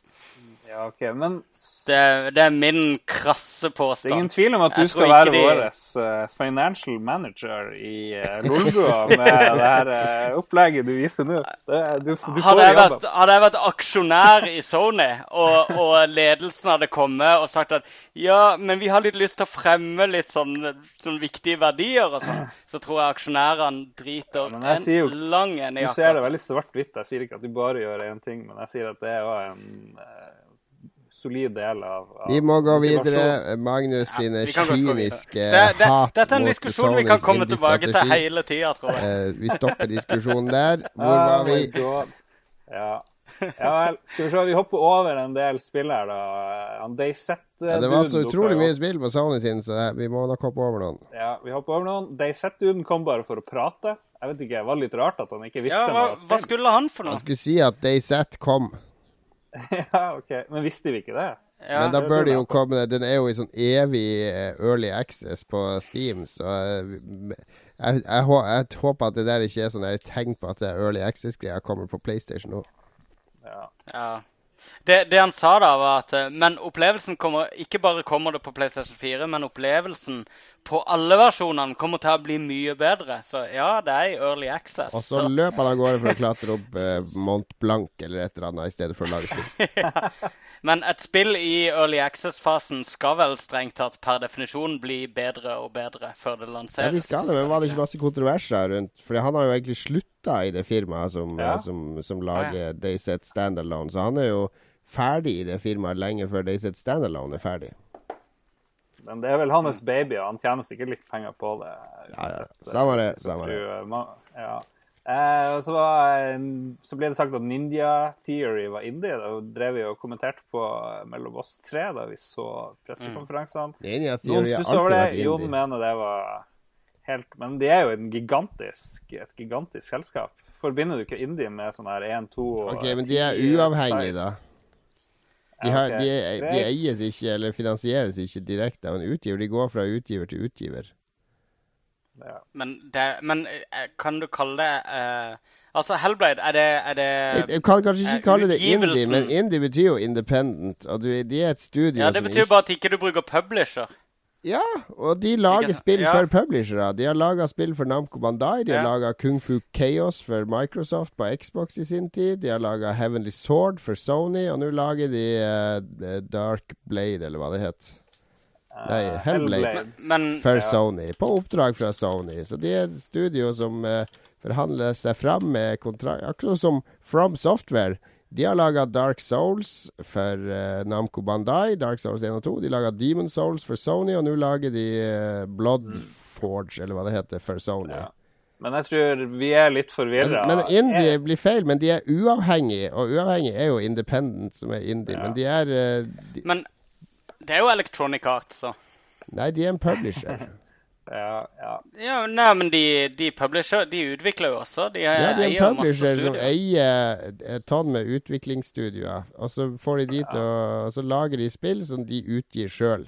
Hvis Electronic, Ninja ja. Theory hadde gitt ut spillene sine Ja. sjøl, Så hadde de Ja. jo vært en publisher. Er, er det ikke det de gjør? Er det ikke det indie- Ja. er det ikke det indie-utviklere gjør, da? Nå rotes utgi- det veldig her i Lolbua. Nå har alle fått for Ja, mye whisky. rot. Men grunnen til at vi diskuterer det her, er jo at de skrev De begynte traileren sin på Hellblade med at 'This is independent', eller et eller annet sånt sykt. Og derfor så Nei, An independent game, tror Ja. jeg til og med det sto. Ja. Eller, eller development. Eller Da begynner man jo å lure på om de skal cashe inn på det her eh, indie-goodwillen, eller hva nå enn det er. Men vi vet ikke. Whatever. Oss, Det er eh, uansett eh, På toppen av Gamma Sutra nå så er det en eh, lang artikkel, eller intervju, med Ninja Theory. Uh, den er skrevet av uh, Lei, uh, Lei Alexander. eh, som handler om eh, hvordan de ser på seg sjøl som in, eller Independent AAA, kaller de spillene sine. Ja, jo, jo. Så eh, det er eh, anbefalt lesing for alle som vil ha Ja, mer info om hvordan store studioer kan se på seg sjøl som independent. Ja. Så skal jeg ramse fort igjen her. Eh, Destiny kom igjen. Noen av oss klagde på at eh, det var, var ikke noe vits å vise dem, for spillet kommer snart uansett. Det er greit. Så kom Far Cry 4 og viste frem den der eh, rare ordninga si med at du kan la en kompis spille i to timer. Du får sånne ti keys du kan dele ut til ti kompiser. Så kan de være med og spille med deg i to Altså, timer. timer. du deler ut en demo av spillet, så du kan spille i Mm. to Ja. timer online. Men den er multiplayer, så jeg vet ikke, er det så revolusjonerende, egentlig? Jeg vet ikke. Nei, ikke i det hele tatt. Nei. Nei. pa. Hideo Kojima kom for å vise frem nye måter å bruke eske på. Å, det var fett. lo jeg godt, Åh, det var godt meg. av. Ja, det var fantastisk. Men det er så gøy, fordi det fikk meg til å tenke på Ground eh, Zeroes igjen. Og nå er det en stund siden jeg spilte det. Det, det, spil, det skal jeg opp og spille. Det skal jeg spille i morgen, faktisk. Mm. Det, det er så Det er så digg kontroll i det Metal Gear Solid 5-greia der. Jeg, jeg, så når de løp rundt med en eske og alt du kunne leke deg med å gjøre. Det blir Jeg, jeg har megaforhåpninger til nye Metal Gear. Ja, det ser veldig bra ut. Og akkurat etter Metal Gear så ble det sinnssykt mye rot i sendinga. Vi datt ut, og det gjorde sikkert alle andre òg, tror jeg.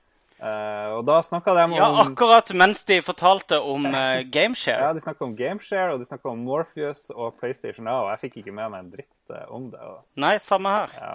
Og jeg var superhypp på å høre De mer sa om uh, PlayStation Now kom i beta i UK en gang i 2015. Så det er altså offisielt nå PlayStation Later, ikke PlayStation Now. Ja. Ja, Men jeg, men jeg driter i PlayStation Now, egentlig. Ja, det gjør alle. Ja. Ja. Ja. Det har ikke noe å si for oss uansett. Ja, så sa de at Um, PlayStation TV-saken skal komme før jul, men gudene vet hva du skal Ja. gjøre med den eh, når du ikke har PlayStation Now på den.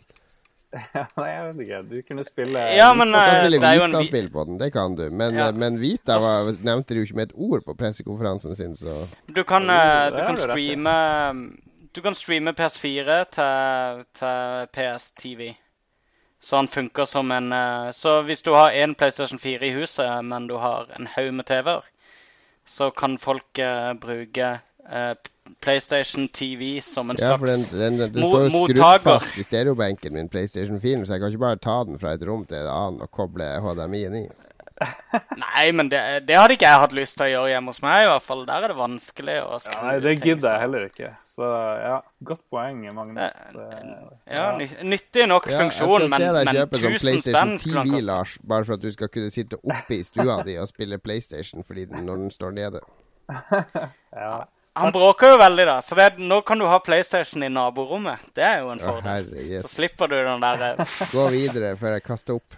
OK, vi er snart på slutten her. Det var noe som het Until Dawn, som jeg har glemt hva var. Uh, OK Det er sånn skrekkspill som er laga Supermassive Games, kjent for masse iToy-spill. OK, OK. Ja. Gud vet, det var ikke sånn Man fikk ikke noe inntrykk, egentlig. Nei, det er, det er ikke et studio med veldig god merittlig. De har laget sånn Killzone HD og litt Big Planet Expansion-pakker og sånn. De, har- de har egentlig aldri laga noe skikkelig stort, så det her er litt sånn der um, manndomsprøve for de, tror jeg. Det så veldig ut som et spill som kunne vært gitt ut uh, typ sånn i slutten av PlayStation 2-æraen. Ja, det var et PlayStation 3-spill opprinnelig. Det har blitt vist frem på E3 for to år siden til PlayStation 3, Ja, men nå har det blitt PlayStation 4. Og så fikk vi se Drive Club, hvor eh, Norge var med. og Litt Det er sånn og- Jeg, kjør, jeg kjørte akkurat den banen. Jeg kjørte den på E3. Ja, ok.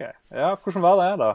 Nei, Det må stoppe hele tida. Bomringer, vet du, og fartsdumper. Så, helt nøyaktig gjengivelse av Norge. Det, Her er det dårlige veier. ja, ja, ja. Og så står det sånn her kan du, Når du har kjørt ferdig, så kan du Eh, Did you think the track was good? No. Will you vote Frp? Yes. Da blir banen bedre neste gang du kjører. Så, nei, det Hva var, det var bra. Jeg syns det er bra. Det er arkaderacing og sånn, men jeg, jeg blir sånn De fokuserer så mye på de sosiale funksjonene og alt man skal gjøre, og drive den klubben og alt mulig. Jeg, jeg vil egentlig bare kjøre bil. Mot andre spillere. Mm. dette er jo et sosialt racingspill, uh, Jon Cato. Dette er jo et sosialt racingspill. Ja, men jeg vil bare kjøre bil. Ja, men da kan du jo kjøpe et annet ikke for det. en klubb. Jeg vil ikke avtale med andre å møte opp. Jeg vil, jeg vil ha Nei. Project Gotham Racing det er mitt favorittbilspill, tror jeg, noen men- gang sånn online. Fordi jeg bare kjørte online mot andre hele tida. Så noen venner Ja. spilte, jeg bare kjørte mot de Jeg vil ikke ha en klubb.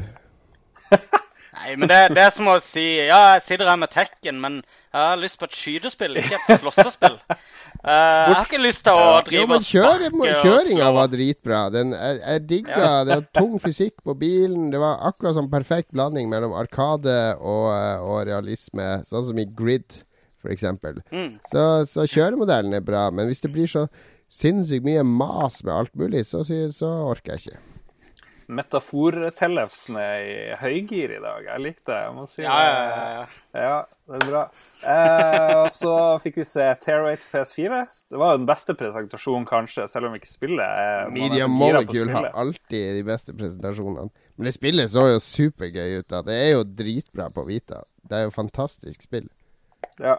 De, det er for de som ikke så pressekonferansen, så eh, begynte pressekonferansen med at en av utviklerne kom ut. Han hadde masse skjegg, og så sa han at eh, vi har lagd en sånn uh, Tearaway-idé. liksom. Vi ville, vi ville porte Tearaway til PS4, og så, men vi klarte det ikke. Og så bare bada, så sa de vi i stedet så gjør vi hele tingen fra bunnen av, nesten, eh, egentlig. Og bruker PS4-en sine kontroller fra bunnen av. Så demonstrerte de det, og hele pressekonferansen ble fortalt inne i spillet da, på en helt eh, nydelig måte, så den bør folk få med seg. Ja, det var veldig kult. Um, jeg har en sånn greie med Media Molecule, fordi at eh, jeg digger alle spillene de sine jeg har spilt. Har jeg eh, skikkelig forelska meg i. Men eh, det har gått over veldig raskt. Jeg slutter liksom å spille alle de Little Big Planet-spillene jeg har vært borti og sånn. Sitter jeg fem-seks timer, og så bare, så bare slutter jeg å spille på det. Uh, og det er jeg litt redd for skal skje med dette. For det, det jo, som, som er alle sånn andre med start og slutt. Ikke sant? Det er ikke sånn som Little Big Planet som skal vare evig med nedlastbart Nei, innhold og sånn. Så det er veldig sånn klassisk plattformspill sånn sett, så jeg tror du kommer til å digge det. Og det er også, Jeg har også besøkt Media Molecule i Guildford utenfor London, og det er et av de hyggeligste og koseligste eh, spillutviklerstudiene jeg har besøkt. Det, begyn det begynte med at de samla alle journalistene opp i kantina eller spisesalen deres. Og så kom det inn en dude, eh, en programmerer, som spilte trekkspill, og to andre som sang, og så kora resten av teamet bak. Og da spilte de en av de trekkspillsangene fra Tearaway, da, og sang. Og det var, det var virkelig folk som kreative folk som virkelig brenner for det de gjør. Eller som Magnus vil si, en rasjonell avgjørelse for å maksimere profitt, så hadde de øvd inn det der nummeret spesielt for dere. Nei, nei. nei, nei, nei. Eh, developere de tror jeg har integritet. Oh, ja. Jeg tror bare ikke at, jeg tror Ok. bare ikke at konsollutviklere og utgivere har det. Ok, den er grei. Så kom eh, Yes. det neste, eller kanskje det kuleste favoritt, eh, eller favorittspillet mitt, som var Housemark sitt skytespill, som jeg har glemt hva heter for noe. Hvor du skal gå rundt og skyte en vanvittig mengde kuler mot vanvittig mange monster som kommer springende mot deg. Det var det, ja. Eh, minner meg litt om det der forrige Housemark-spillet, det der zombie-greia. Men da var det litt med sånn roligere tempo. Her var det bare fosse på. Det minte meg litt om sånne Space Hulks som for rundt og gikk der. Det minner meg litt om uh, The Mutant Storm, husker du det? Som kom helt i starten på Xbox uh, 360. Det var sånn Ja. top down uh, twin stick shooter som man kunne spille to stykker og, og veldig hektisk. Ja. Eh, eh, eh, skal vi se Alien Nation, tror jeg det het. eh. Ja, det, det forrige spillet de sitt heter Alien Nation. Ja. Det var sånn gratisspill på eh, PlayStation Plus, var det ikke Nei, det? det her er Alienation. Det her er Alien Nation. Ja. Å ja, men hæ? Ja. Var det det dette Det er heter Ja, noe det annet, det du tenker på. Hva heter det forrige? Resogen. Nei, ja, men OK, da. Ja, men da det var det som Eh, eh, eh. Vi driver og live-googler her, folkens. Det er spennende. Gå videre i lista, der, for guds skyld. Ja, bare gå videre. Det er. Dead Nation. Det her heter Alien Nation. Ja. Sånn er det. Nei, men da var det ferdig. Ja, Dead Nation, var det det var det som var gratisspill, hva? Da var det ferdig. Og så var var han der Michel Ancel, eller hva han heter. Det var vel han som lagde uh, Den fine Rayman, eh, var det? Beyond, Ja, og Beyond eh, Beyond Good and Evil har han lagd. Ja, så han viste frem Han noen er nye greier så veldig kult. Eh, Men han viste bare en film, Ja, han og det irriterte meg. Det kan han ikke vise gameplay, altså? Jeg skulle gjerne sett Men det er for Det var jo en film av spillet. spillet Altså, det var jo ikke sånn oppkonstruert eh, CGI-film, sånn som når uh, CD Projekt Red viser Cyberpunk. Eller eh, tidlige Witcher-trailerne og sånn. Det var jo sånn som spillet kommer til å se ut. Men jeg leste også at det området du Du kan være hvilken som helst creature du vil. Og det området, det spillområdet er like stort som Europa. What?! Ja, det sto det på en nettside. Her. ja, Og så er du like stor som sola. ja. og that's it. Og da må vi jo kåre en vinner, kanskje, hvis ikke vi har noe mer lurt å si om de her Alt er mye større. Alt er mye, mye større. større. Altså, i mine øyne var vinneren var helt klart uh, Sony. Fordi det var så mange flere spill som enten Sånn som med det der, eh, siste spillet vi snakka om nå, The Wild. Som jeg ikke aner hvordan er å spille. Altså, ser nytt og spennende og nytenkende ut eh, enn hos, hos eh, Microsoft. Og Microsoft, det eneste de hadde å slå i bordet med, det var Tomb Raider. Det var eksklusivt. Ellers så var det jo Det var ikke mye Det var ikke noen overraskelser der, bortsett fra det. Nei, det var kanskje Var det noen ikke nye spillannonseringer? Det var det, der, det var berg-og-dal-banespillet, liksom. Mm, ja, ja. Og det er Lara Croft. Det, var jo, det må jo skaffe de en del kunder.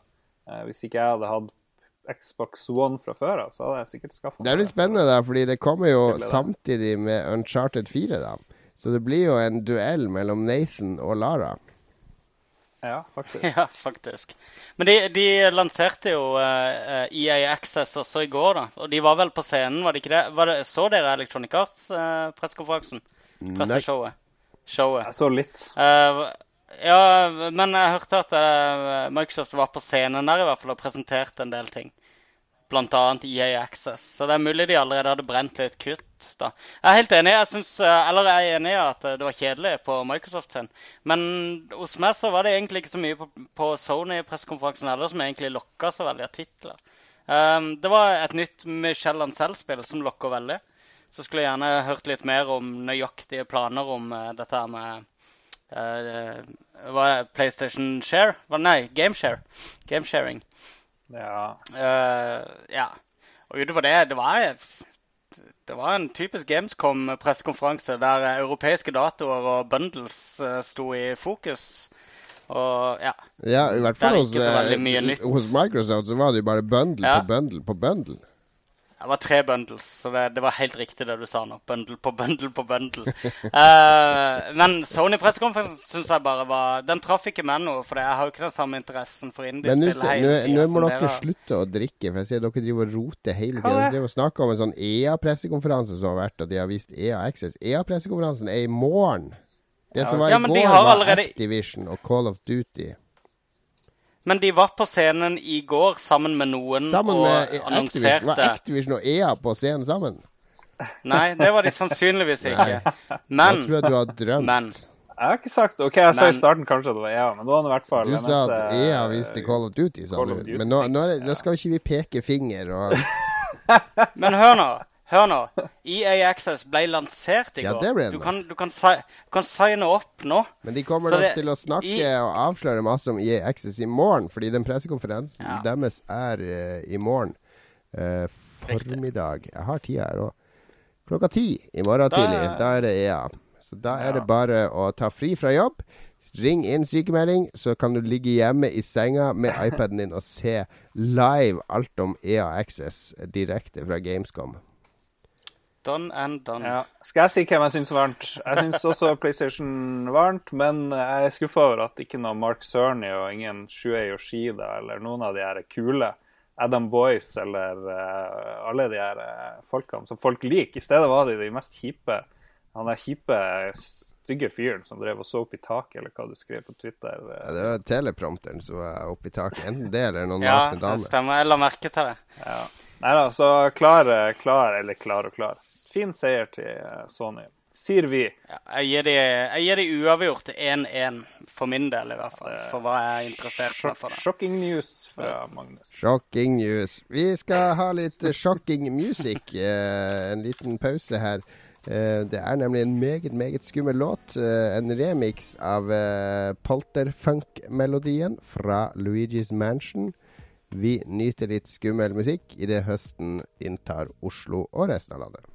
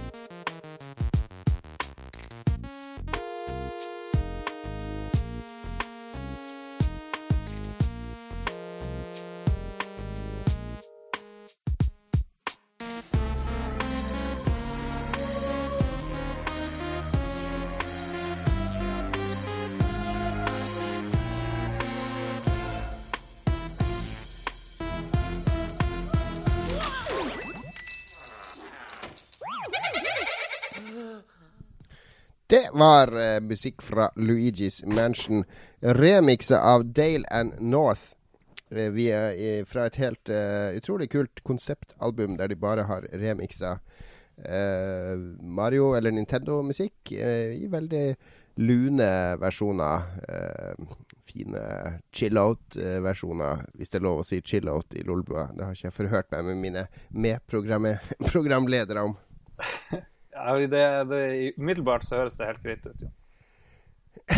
Det var bra. Det var, takk, takk skal du ha. Vi har fått inn masse reaksjoner fra våre lyttere på dagens Gamescom-pressevisninger. Eh, og litt spørsmål og andre kommentarer. Eh, stemmer ikke det, Lars Rikard? Ja, jo da, vi har en fin liste. Vi driver jo og henter tilbakemeldinger fra både her og der, fra YouTube, hvor folk kommenterer litt, og fra Facebook og Twitter, så det er bare å sende inn hvis dere har eh, smått eller stort på hjertet. Det trenger ikke være så saklig heller. Det er jo morsomt å høre fra de som følger med oss. Og som vi sa forrige gang, hvis dere har noen ideer Vi driver jo og skal pusse opp på både her og der. Så, så føler jeg i hvert fall at vi trenger en ny, eh, en ny eh, seksjon, et nytt element i sendinga, nå når vi ikke lenger har musikkonkurranse eller quiz. Så kanskje vi skal ha et eller annet nytt, så hvis dere har noen gode ideer der, så kjør på. Men eh, ja, vi har masse lyt- lytterspørsmål. Eh, Første kommer fra vår venn Vent, Blake vent, vent, vi har en breaking her. Fordi Oi. som kjent så samarbeider jo vi med Red Crew og vår venn Jostein Hakestad. Og Gusta. eh, Red Crew har jo faktisk en mann nede på Gamescom, han Are Fløgstad. Han har akkurat vært og spilt uh, Ori, som vi snakka om eh, før pausen. Og han uh, har konkludert med at det er rett og slett en sykt sweet 2D-plattformer. det, det, jeg har ikke hørt at de har sagt sykt sweet før. Det tror jeg må være en nyvinning Supertight styring og helt amazing grafikk. Nå vet vi jo at eh, at han, han Are Han skal jo opp i Red Crew og snakke om alt det her. Så nå kan jo vi stjele alle de breaking eh, de der, eh, Alt som han skal fortelle, kan vi ta her. Spørs om Jostein eller Gusta blir så glad da. Ja, jeg vet de spiller inn i dag, så vi er før dem, siden vi eh, er live allerede nå. Så vi kan bare Yes, kjøre yes, på. yes, yes, yes, yes, yes. Yeah. Nei, men kjør på med våre faste lyttere. Blake Fate sier i dag har det vært for mye store bokstaver på dere. Jeg tror han mener Twitter. Hvor mye whisky har dere drukket? Jeg har drukket null. Jon, Eh, jeg er uh, høy på livet. høy på livet. Og Magnus, du sa i sted du skulle drikke whisky. whisky. Jeg er høy på kokain og heroin. Ja, OK. Nei, jeg har eh, drukket en liten, to små slurker med whisky. Så da hadde han helt Så rett. jeg- Da var det whisky. Jeg er dritings. Har du eh, her er et eksperiment? Her er et sånn Lolbua-eksperiment. Hva om vi tester hvor mye whisky kan Magnus drikke før han ikke klarer å bli gjenkjent av sin Kinect? Ja, Før god Kinect idé. ikke klarer å skru på Netflix og sånn. Åh, det har vært, eh, har vært noen kvelder. Nei da. Det, det, det er ikke en problemstilling jeg noensinne har trodd da, eller tror jeg kommer til å støte på, egentlig. Jo, men Xbox on! Ja, men det blir jo Det her blir uh, Let's Play. Uh, Go to Netflix! Let's Play Er det sånn du prater når du blir for full? Du blir ikke, jo ikke tilbakestående. jo, det er jo det han blir. Det blir jo alle, egentlig. Det er jo det man blir når man drikker seg full. Det er jo uh, å Ja. drikke seg litt tilbake. Så Så. vi får ta kommer den sanne kan- sida frem, vil jo noen si. Vi får ta et, et, et, en, en vri på det er jo at vi spiller et spill med Let's Play og streamer det, og så er det sånn drinking game eh, rules at hver gang det skjer et eller annet, så må vi eh, styrte et eller annet, og så ser vi hvordan det går. Det kan være hver gang man blir skutt i en FPS, eksempel. Tygg på den mens du Ja, jeg ser Jeg får, jeg får en visjon i hodet mitt nå at det her kommer aldri til å skje. Men eh, Ja. vi kan gjerne ta neste lytterspørsmål heller. Jeg har lyst til å drikke mer whisky, men ja, OK. Ida Joint Det- fra Red Crew har vært så snill å si hallo til oss. Uh, og hennes kommentar til uh, Gamescom er 'ingenting slår Metal Gear Solid-eska med sexy dame på'. Helt enig. Og ikke fordi det, var, ikke fordi det er sexy dammen, men fordi det er eh, løssluppen og uhøytidelig galskap. Akkurat som i filmen 'Guardians of the Galaxy'. Spe, altså, det, det, det, har noen gang Sam Fisher eh, klart å le av seg sjøl? Sånn som Snake kan gjøre. Tenk hvis de skulle gjøre noe sånt i et Splinter Cell. Det hadde aldri skjedd. De skal være så Tom Clancy hardcore seriøst at det blir uh, Gå rundt med den der Harrison Ford-mina i panna hele tida. Nei, det, kjør på, Kojima. Ja. Helt enig. Mats Rindal Johansen sier Sony sin presentasjon var bedre. The Order 1886 eh, sin nye trailer ga meg mer håp til spillet. Rhyme så sweet ut. Eh, sa vi noe særlig om Rhyme? Det syns jo jeg så helt fantastisk ut, eh, egentlig. Hva var det for noe? Eh, Rhyme er jo det der som minner om Windwaker møter Ico. Å, det, ja. Ja, riktig. Det er jo Det ser jo pent ut, men det er jo også sånn spill som vi garva Altså det der tegnefilmstilen er jo sånn som vi syns er dritfint. Det er jo heroin. Ja. Det er jo fantastisk. Så man faller jo for sånn pladask uten at man egentlig vet om spillet er bra. Ja. Men eh, det ser pent ut. Ja. Så avslutta han med at han så litt på Microsoft. Farsken så mye gammelt Halo-gulp de hadde. Tja. Ja. Det tvitra jo vi jo òg, at vi hadde jo aldri trodd i 2004, når Halo 2 kom, at ti år etter så skulle vi sitte og se ti minutter fra en. Microsoft-pressekonferanse at noen spilte Halo 2. Nei da. Det, nei, det er et godt poeng. Det er det. Men eh, Ja. Det er kjedelig med den revamping av gamle, gamle storheter. De burde være i stand til å tenke nytt, syns jeg. samtidig. Ja, Det er jo helt greit, men jeg syns kanskje de skal bruke remake-greia- til å prioritere det som faktisk er helt nytt og framtida, og ikke bare vekke til live fortida. Jo, men det er det jeg mener. Jeg syns det er litt for mye remakes. Litt for mye. Ja. Folk blir nostalgiske litt for raskt i spillbransjen. Når det har gått ti år, så snakker de om nostalgi. Og da er det liksom greit å, å remake spillene og selge de enda en gang. Men vi har jo nesten ikke kunnet vært nostalgisk før, fordi spillbransjen er jo så ung. Så det er jo de som vokste opp med det her som barn, som nå kan lage spill som kan være nostalgisk. Sånn som han eh, Festduden sa i den her eh, Indie Game The Movie. Så, Men folk er jo blanke i øynene når de snakker om, eh, om Halo, f.eks. Ja, jo, det er litt rart. Det skal jeg gå med Ja. på. Og så er det en fyr jeg lurer på om er ny, Kristoffer von Sydow, som sier at Quantum Break så like revolusjonerende ut som Watchdogs. Burn! Ja, jeg er helt enig. Helt enig. Nå har Jon Og det eh, tror jeg han mente på den her. Jeg vet ikke hva det var. Jeg Nei, bare så at. Phil Fish hadde tweeta. Jeg, jeg tror han, eh, han mente det nok på mest mulig sarkastisk måte, håper jeg. Og ikke minst mulig sarkastiske måte, for da er vi uenige. for det, for det, det, det ser virkelig ikke nyvinnende ut eh, i det hele tatt. Men, Quantum mens Break. du likte ser veldig godt. Watchdogs, så er det det vi skal tolke Jeg syns jo ikke det var så mye nyvinninger i Watchdogs heller, som, er, okay. som kjent. Ja, men da tror jeg vi Yes. tok han på rett måte. Ivan Far... Ja, Ivan Farbror Skjold. Er det også en ny eh, stemme hos oss? Drive Club, så Det er vel Jostein sitt egentlige navn, det tenker jeg. Ja, han, det hørtes litt svensk Farbror. ut. Ja, det, gjør, det. det er nok Jøsta. Det er onkelen til Gøsta. Farbror Gøsta. uh, Drive Club så meget lovende ut. Uh, ja, ja. Tja. Ja, det føles meget lovende, kan jeg som har spilt det, si. Det, jeg gleder meg til det. Ja, ja.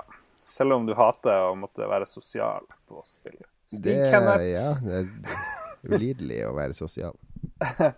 Stig Kenneth Limmesern, Eh, takk og hei til deg. Sier at han sjøl var på Gamescom i 2011. Eh, jeg har ikke vært der. Eh, men du har sikkert vært der, eh, begge to, kanskje? Jeg var der når jeg jobba i Game Reactor, og det var en såpass traumatisk opplevelse at jeg fortsatt ikke kommet meg. Det var Det ble et Det var veldig det var et tidlig ute, ja. rundt av mine utgivere, meg og de andre redaktørene, fra eh, publisher til publisher for å bli vist frem som sånne der eh, hunder på sånn hundeshow. Her er våre redaktører, de gjør sånn som dere vil. og sånt. Det, det, var, ble, det var en fæl tur. Det er jo sinnssykt mye folk der. Er det ikke sånn her 100 000? 70 000? Ja, det er vel åpent for bare presse og sånn. Er inviterte i en dag eller noe sånt, og så slipper de inn alle mulige tyskere. Ja, altså, jeg har lest om folk som er livredde når de går der. For de tenker bare hvis det begynner å brenne nå, så kommer alle til å dø, for det er så sinnssykt mye folk.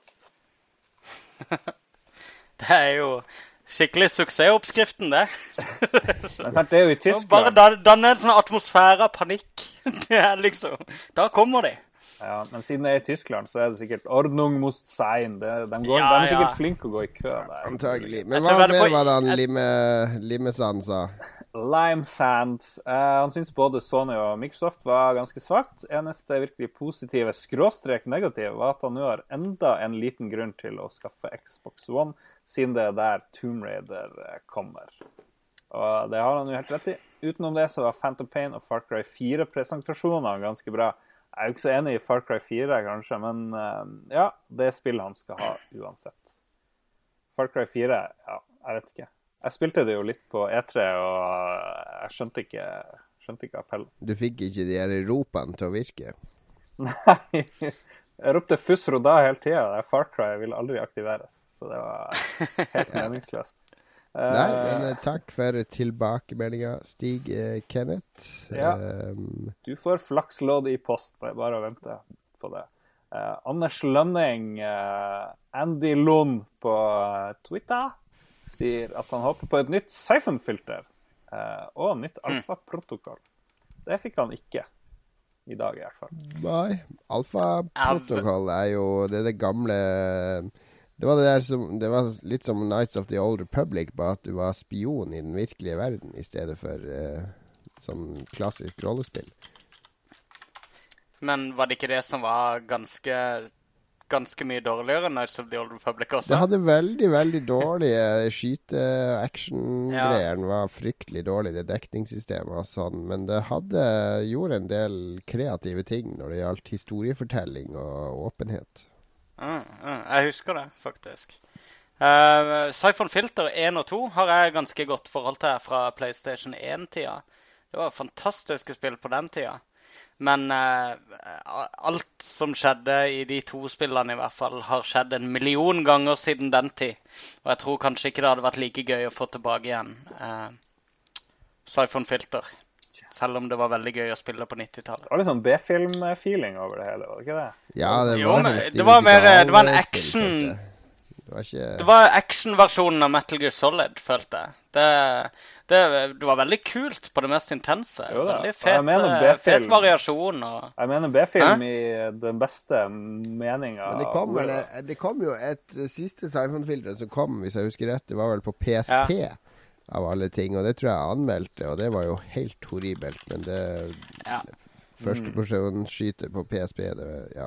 Ja, nei. Men, men det er jo Sonys eh, enorme kjærlighet for å uh, skvise gamle, gamle serier. Som sikkert har ført til at de Ja, de ga ut det, det Logans Shadow, heter det du snakker Ja, om, ja, eh. Jon. Og før det så kom Dark Mirror eh, året før. og det var jo eh, dritkjedelig. Nei. Nei, Anders, la, la den serien være død og begravet. Gå tilbake, tror opp PlayStation 1 din, og så spiller du de gamle på nytt. Og kos deg med det. Behold de gode minnene. Ja.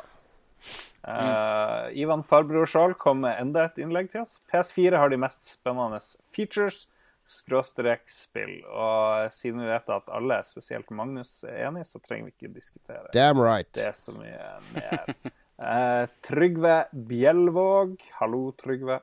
Eh, Microsoft har gjort meg mett på Halo, sier han. Jepp. Ja, det, det, det stemmer. Uh, Terry til eh, Sony. Uh, One hele showet. Want hele showet. Han mener sikkert at det er varmt. Uh, Fy søren, så nydelig og kreativt. Uh, og så sier han at The Order 1886 har Nikola Tesla, så case closed. Game of the year right there, dude, skriver han. Eh, omtrent. Ja, de har er jeg enig i. Det ser i hvert fall mye, mye bedre ut enn på E3 i fjor. Eh, det fått, Hva, da så det bare ut som noe sånn Gears of War i eh, tåkete Ja. eh, London for 100 år siden. Ja. Det var vel ikke så mye The Order på showet, men de hadde det på sånn trailer før showet Ja. begynte, tror jeg. Ja. Og Eh, jeg Det her er helt et enig spill med jeg også gleder meg veldig til. Nydelig spill. Eh, Vår mest trofaste lytter, Jan Christian Hegel, uh, spør oss hva var dagens beste nyhet, og hva var dagens verste? Og hva var det mest overraskende? Verste nyhet må ha vært uh, Tomb Raider for noen av oss, kanskje. Uh, beste Jeg vet farsken. Var det noe som var best? Det var jo ikke noe særlig Det, det var ikke den eneste nyheten. Eller så, Nei, altså Den eller beste nyheten var for meg at han, eh, han selv kom og fikk endelig vise frem noe som det spillet, det Wild-spillet er jo åpenbart et hjertebarn for han. Og jeg tror han er veldig glad for å eh, få vise det fram endelig. Mm. Uh, og den verste nyheten, det var vel uh, Ja, det må vel være Tomb Raider, det. Altså, jeg syns det, det er litt sånn Ja, ufin Det ble veldig ufint fordi folk føler at de ble frarøva Tomb Raider i stedet for at Microsoft eh, lager Tomb Raider. Ja, men du Så du for øvrig pressemeldinga den, som altså. Microsoft Norge sendte ut? Der måtte de sende ut korrigering, for de hadde ført opp Microsoft som publisher på Tomb Raider. Så de måtte Mm. sende ut en ny en der det sto Square Enix. Mm. Så, så de hadde skrivefeil. Det, var, det var en Freud. Freudian slip, var det ikke det? En Ja, det Freudian var nok slip, heller ja. det. Det var nok heller det. Ja. Jeg Um, likte Lara Graff bedre når hun lå med alle. Nå nå når hun bare skal være sammen med én, så er hun ikke så spennende lenger. Ja, nettopp. Eh, Jeg, vil- jeg vil si den verste var vel Quantum Break. Det var vel eller sånn, det var det dårligste jeg så i hele dag. Nei, herregud. Det er jo helt vilt. Jo, nei, det var bare helt, helt sånn ribba for kreativitet, syns jeg. Det bare Åh, det var bare sånn vakuum av fun. Den der syra du tok på Mågeskrikfestivalen og gått deg helt i Quantum. Break. Finsk fjernsynsteater i spillform. Du hørte det på Lolbua først. Åh, finsk fjernsynsteater, det er jo tidenes overskrift. For det er jo til og med knytta opp mot en TV-serie. Herregud.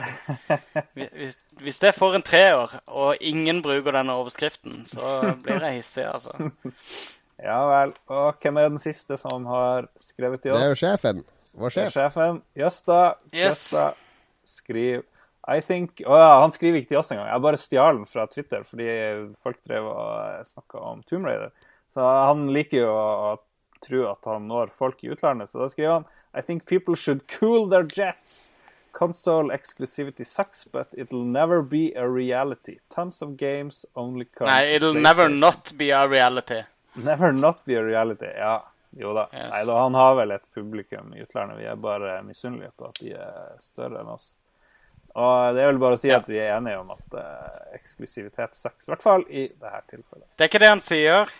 Han sier eksklusivitet suger, men det vil aldri forsvinne. Ja, ja. Det vil alltid være der, og det fins hundrevis av eksklusive spill til PlayStation.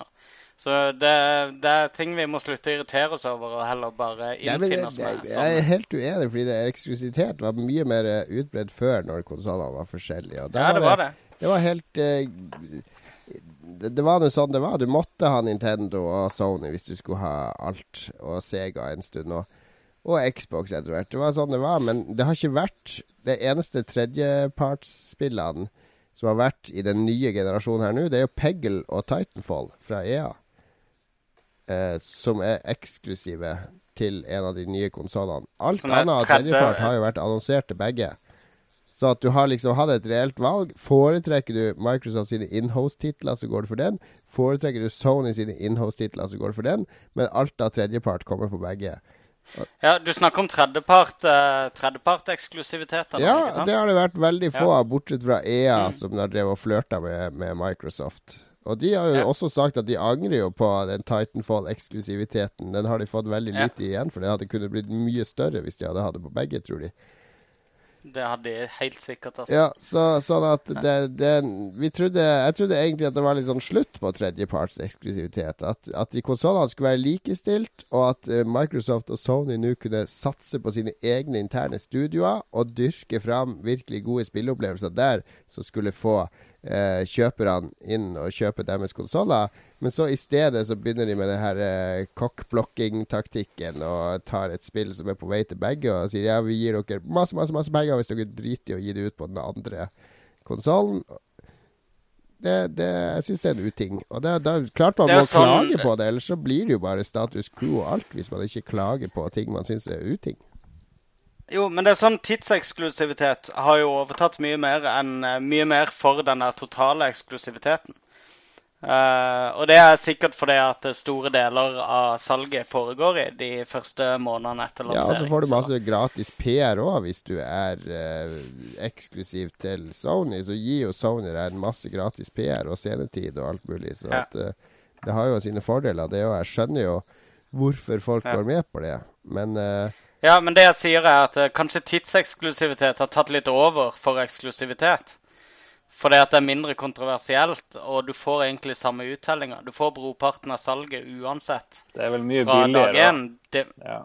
Det er vel mye billigere jeg tenker. Det er vel òg en grunn. Ja, helt sikkert. det, Men det, det er vel mer, mer logisk å gjøre det sånn. Og så føler ikke folk seg direkte eh, snytt når de har kjøpt feil plattform. Men foreløpig så er det ingenting som tyder på at det her er tidseksklusivt. Det, det er flere Nei. nettsteder som er sier at det er full eh, Altså, det, det kommer kun på Xbox, sier de.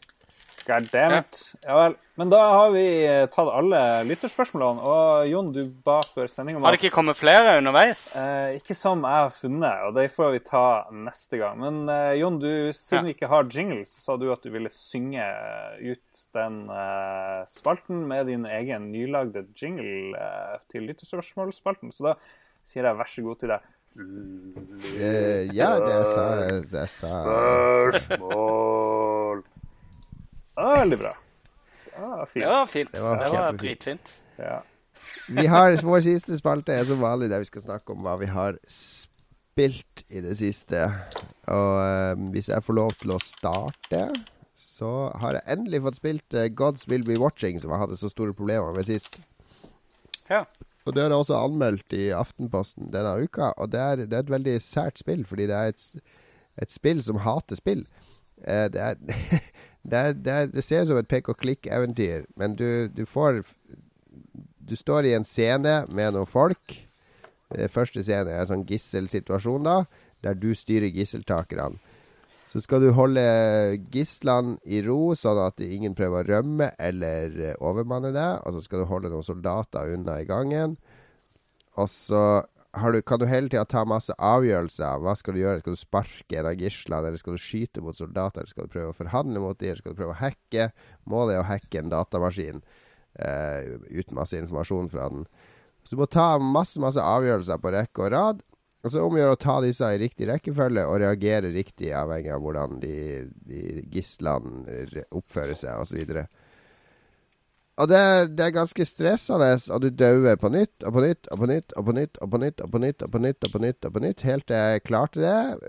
Uten at jeg egentlig skjønte hvorfor jeg klarte det, fordi jeg gjorde egentlig nesten det samme som sist. Og responsen jeg får fra de gislene, er nesten umulig å tolke om jeg skal være strengere mot de eller snillere mot de. Og eh, det er egentlig et spill som jeg hater litt, fordi at det er Det er ikke noe logikk i det. Men så men så er det veldig dramatiske situasjoner du kommer opp i. I neste kapittel er det vel der to av de her eh, gisseltakerne er blitt arrestert og blir torturert. Og skal du prøve å holde de to i live lengst mulig, da. Ved å ta forskjellige valg, ved, å, ved at han ene kan si noe stygt, så er det ja, du må, De må liksom Hvis du torturerer bare han ene hele tida, så dauer han, og da er det game over. Så må du begynne på nytt. Eh, så det er egentlig ganske grusomme ting som skjer. Men det som skjer med meg når jeg spiller de, fordi jeg dør og dør og dør på nytt, jeg syns spillet er urettferdig og ulogisk og alt mulig, er at jeg hele tida prøver å se bak fasaden. Jeg prøver å se hva skjer hvis jeg gjør mye sånn, og så gjør det, og så gjør det. Jeg ser etter de målerne og de der eh, pilene og de verdiene bak klikkene mine. Ikke på handlinga på skjermen, men på handlinga bak seg. Jeg prøver å knekke spillsystemet for å komme meg videre. Gamethink. Ja, Og det er jo akkurat Og det er jo litt sånn gamle adventure-spill var. Det var jo sånn vi spilte ja det, her, før i det her er ikke altså. adventure i det hele tatt, Marius. Du må ikke gå og tro det. Det er ikke noe du plukker opp items eller bruker. Det er kun det er ressurshåndtering. Ja. Men det handla om å knekke eh, Knekke Eller å forstå mentaliteten til de som designer spillet. Ja, det er det, men det, det, det, det her handler Det her tror jeg er en sånn metakommentar på at at det her skjer de mest grusomme ting. Jeg må ta de mest grusomme moralske valg. Men for meg, jeg tenker ikke over at det jeg gjør, er grusomt. Jeg prøver bare å gjøre det som får meg videre i spillet. Ja. Jeg ser bare spillmekanikkene, ikke volden og, det, og alt det, det grusomme. Og det, det er nesten som om de som har laga spillet, har lyst til å si at, at å spille dataspill, det avstumper deg. Fordi at du, du reagerer Når du løper rundt og skyter i Call of Duty, så ser du Det er ikke soldater, det er ikke blod, det er ikke drap. Det er en konkurranse. ikke sant? Du ser bak Mm. hele den visuelle fasaden. Så jeg tror egentlig hele spillet er en eh, litt sånn forsøk på å lage sånn smart eh, metakommentar om, eh, om eh, grusomheter i dataspill som spillere ser forbi. Så det er et stort Milgram-eksperiment, hele greia? Er det det du mener? Muligens, muligens.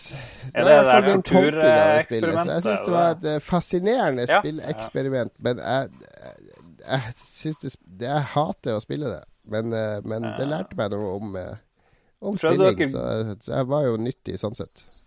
Prøvde dere gratisversjonen, eller den første? Det var jo et sånt webbrowserspill. eh, Ja, det var et sånt Ludum. Dare-spill eller noe sånt opprinnelig, så det var vel bare ett brett, da. Men jeg prøvde Det var, det var veldig bra, da. Du satt på en alien planet. eh, Dere hadde krasja eller et eller annet og mista kontakt eh, med, med utenomverdenen. Men eh, dere blir redda om 70 dager, eller noe sånt, tror dere. Og så gjelder det å være i live så lenge som mulig. Og så hver dag så kan du velge om du skal drepe noen, eller om du skal sende hunden ut og jage etter mat, men hunden kan også forsvare deg mot fiender. Så har du en psykolog, og den kan liksom snakke alle til ro. Fordi folk blir mer og mer gale hver dag ikke sant? fordi de er så redde og ditt og datt. Så det er en sånn avveiing av ting. Men det var aldri noe sånn tortur og det var aldri noe fanger. Det var mer sånn fellesskap. Men du var kaptein og måtte bestemme hva alle skulle gjøre. Og det var veldig kult, og det var vanskelig. Og du måtte huske å legge sånn logs på the fire. Hvis du glemte det, så frøs alle i hjel.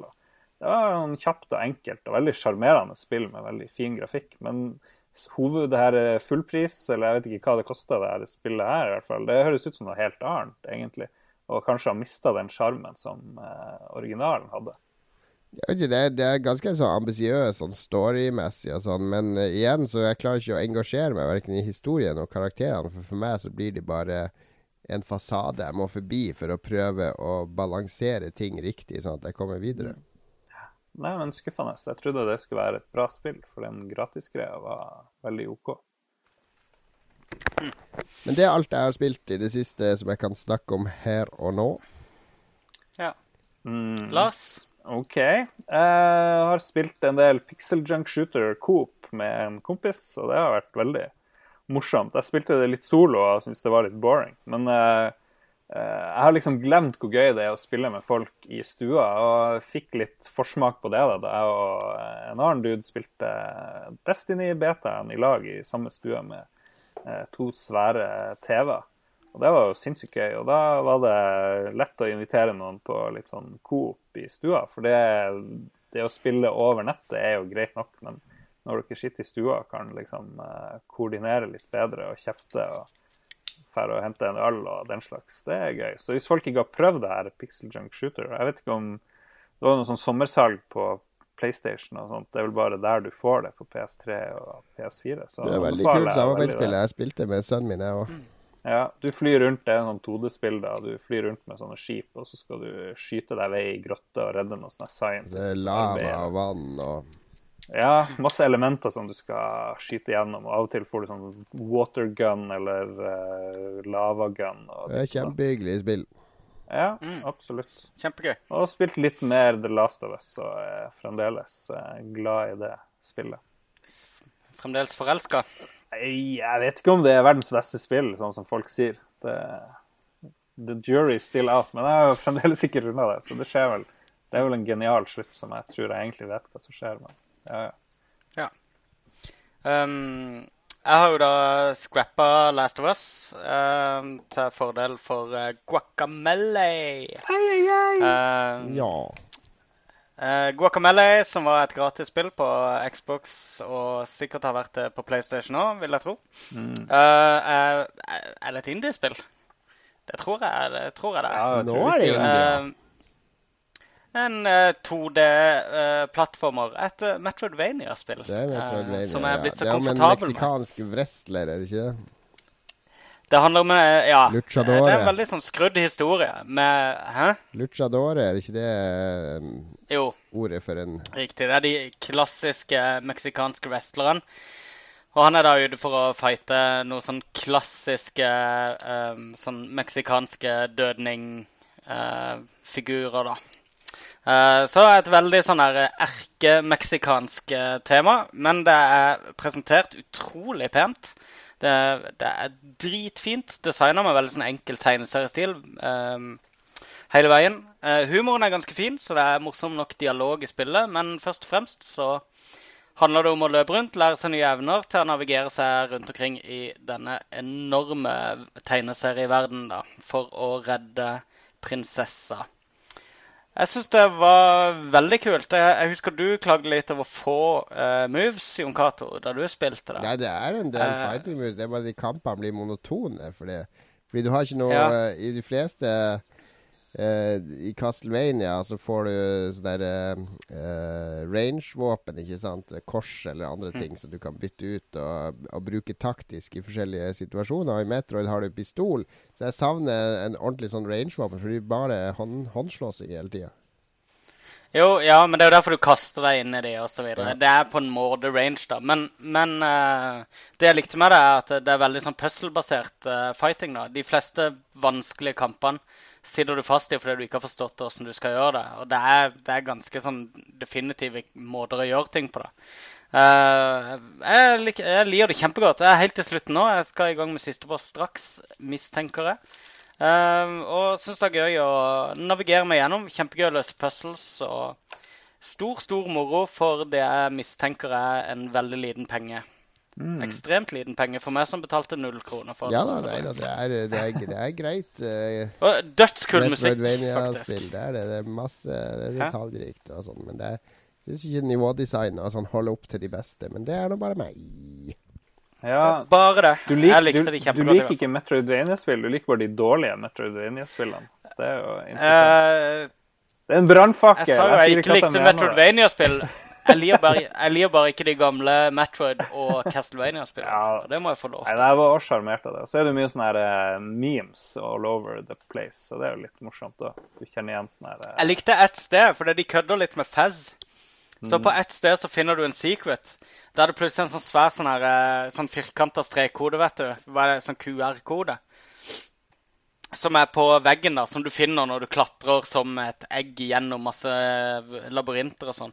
Så kommer den opp på skjermen. Så jeg tenkte yes, jeg husker åssen det var i Fez. Der var det bare å skanne den koden, og så fikk jeg løsning på noe, ikke sant? Så skanna jeg koden, og så sto det 'Gratulerer, du har nå lært deg å skanne en QR-kode'. Så, var det alt de hadde å by på. Det var litt vittig. Det er moro, da. Så det er egentlig alt jeg har spilt. Jeg har eh, egentlig hatt hodet mitt helt andre steder eh, denne uka her, Den forrige uka. Så det, det er alt jeg har å slå i Det bordet. er lov, det er lov å trappe ned på spillinga bare man ikke slutter helt. Du har hatt hodet i ismaskinen i det siste.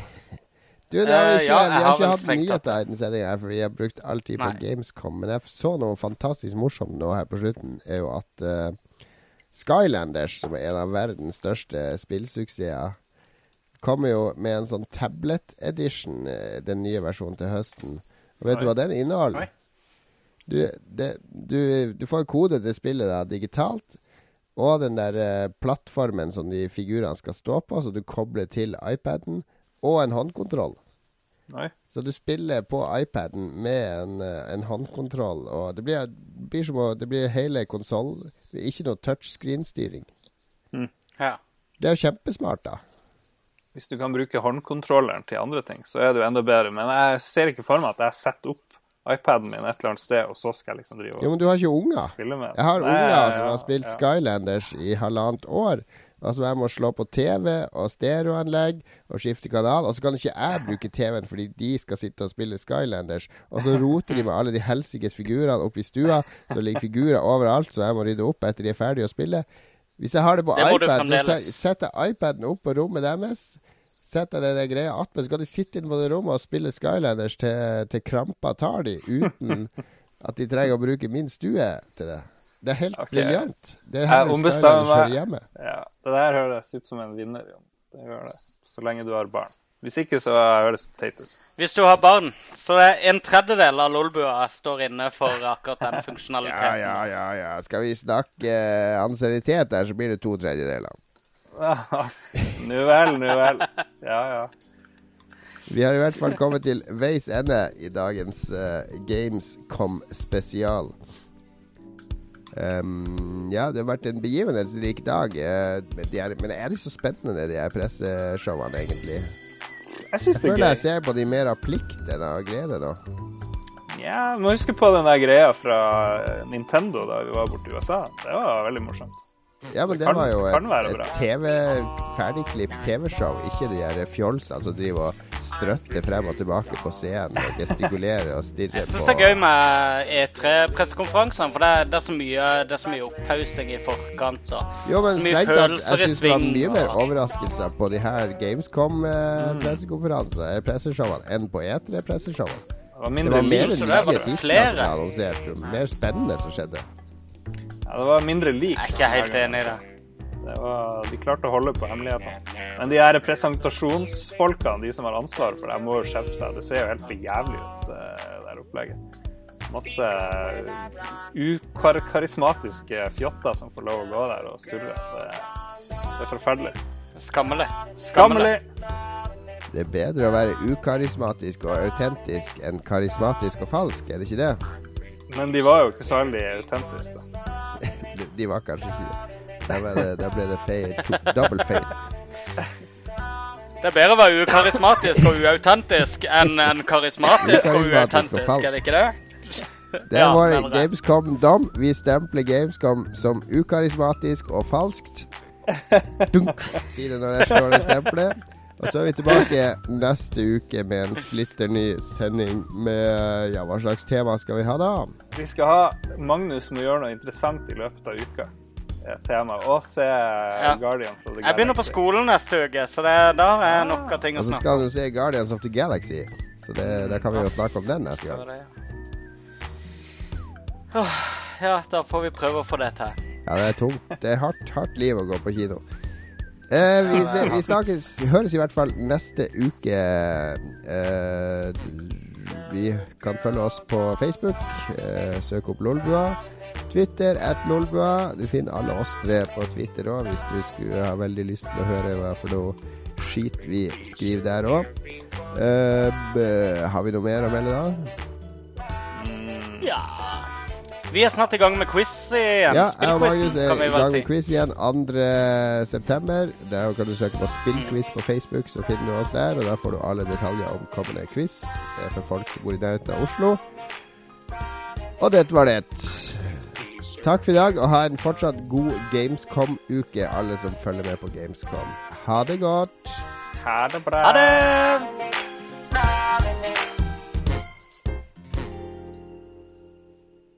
Har du et enkeltpersonforetak eller en liten bedrift? Da er du sikkert lei av å høre meg snakke om hvor enkelt det er med kvitteringer og bilag i fiken, så vi eh, gir oss her, vi. Fordi vi liker enkelt. Fiken superenkelt regnskap.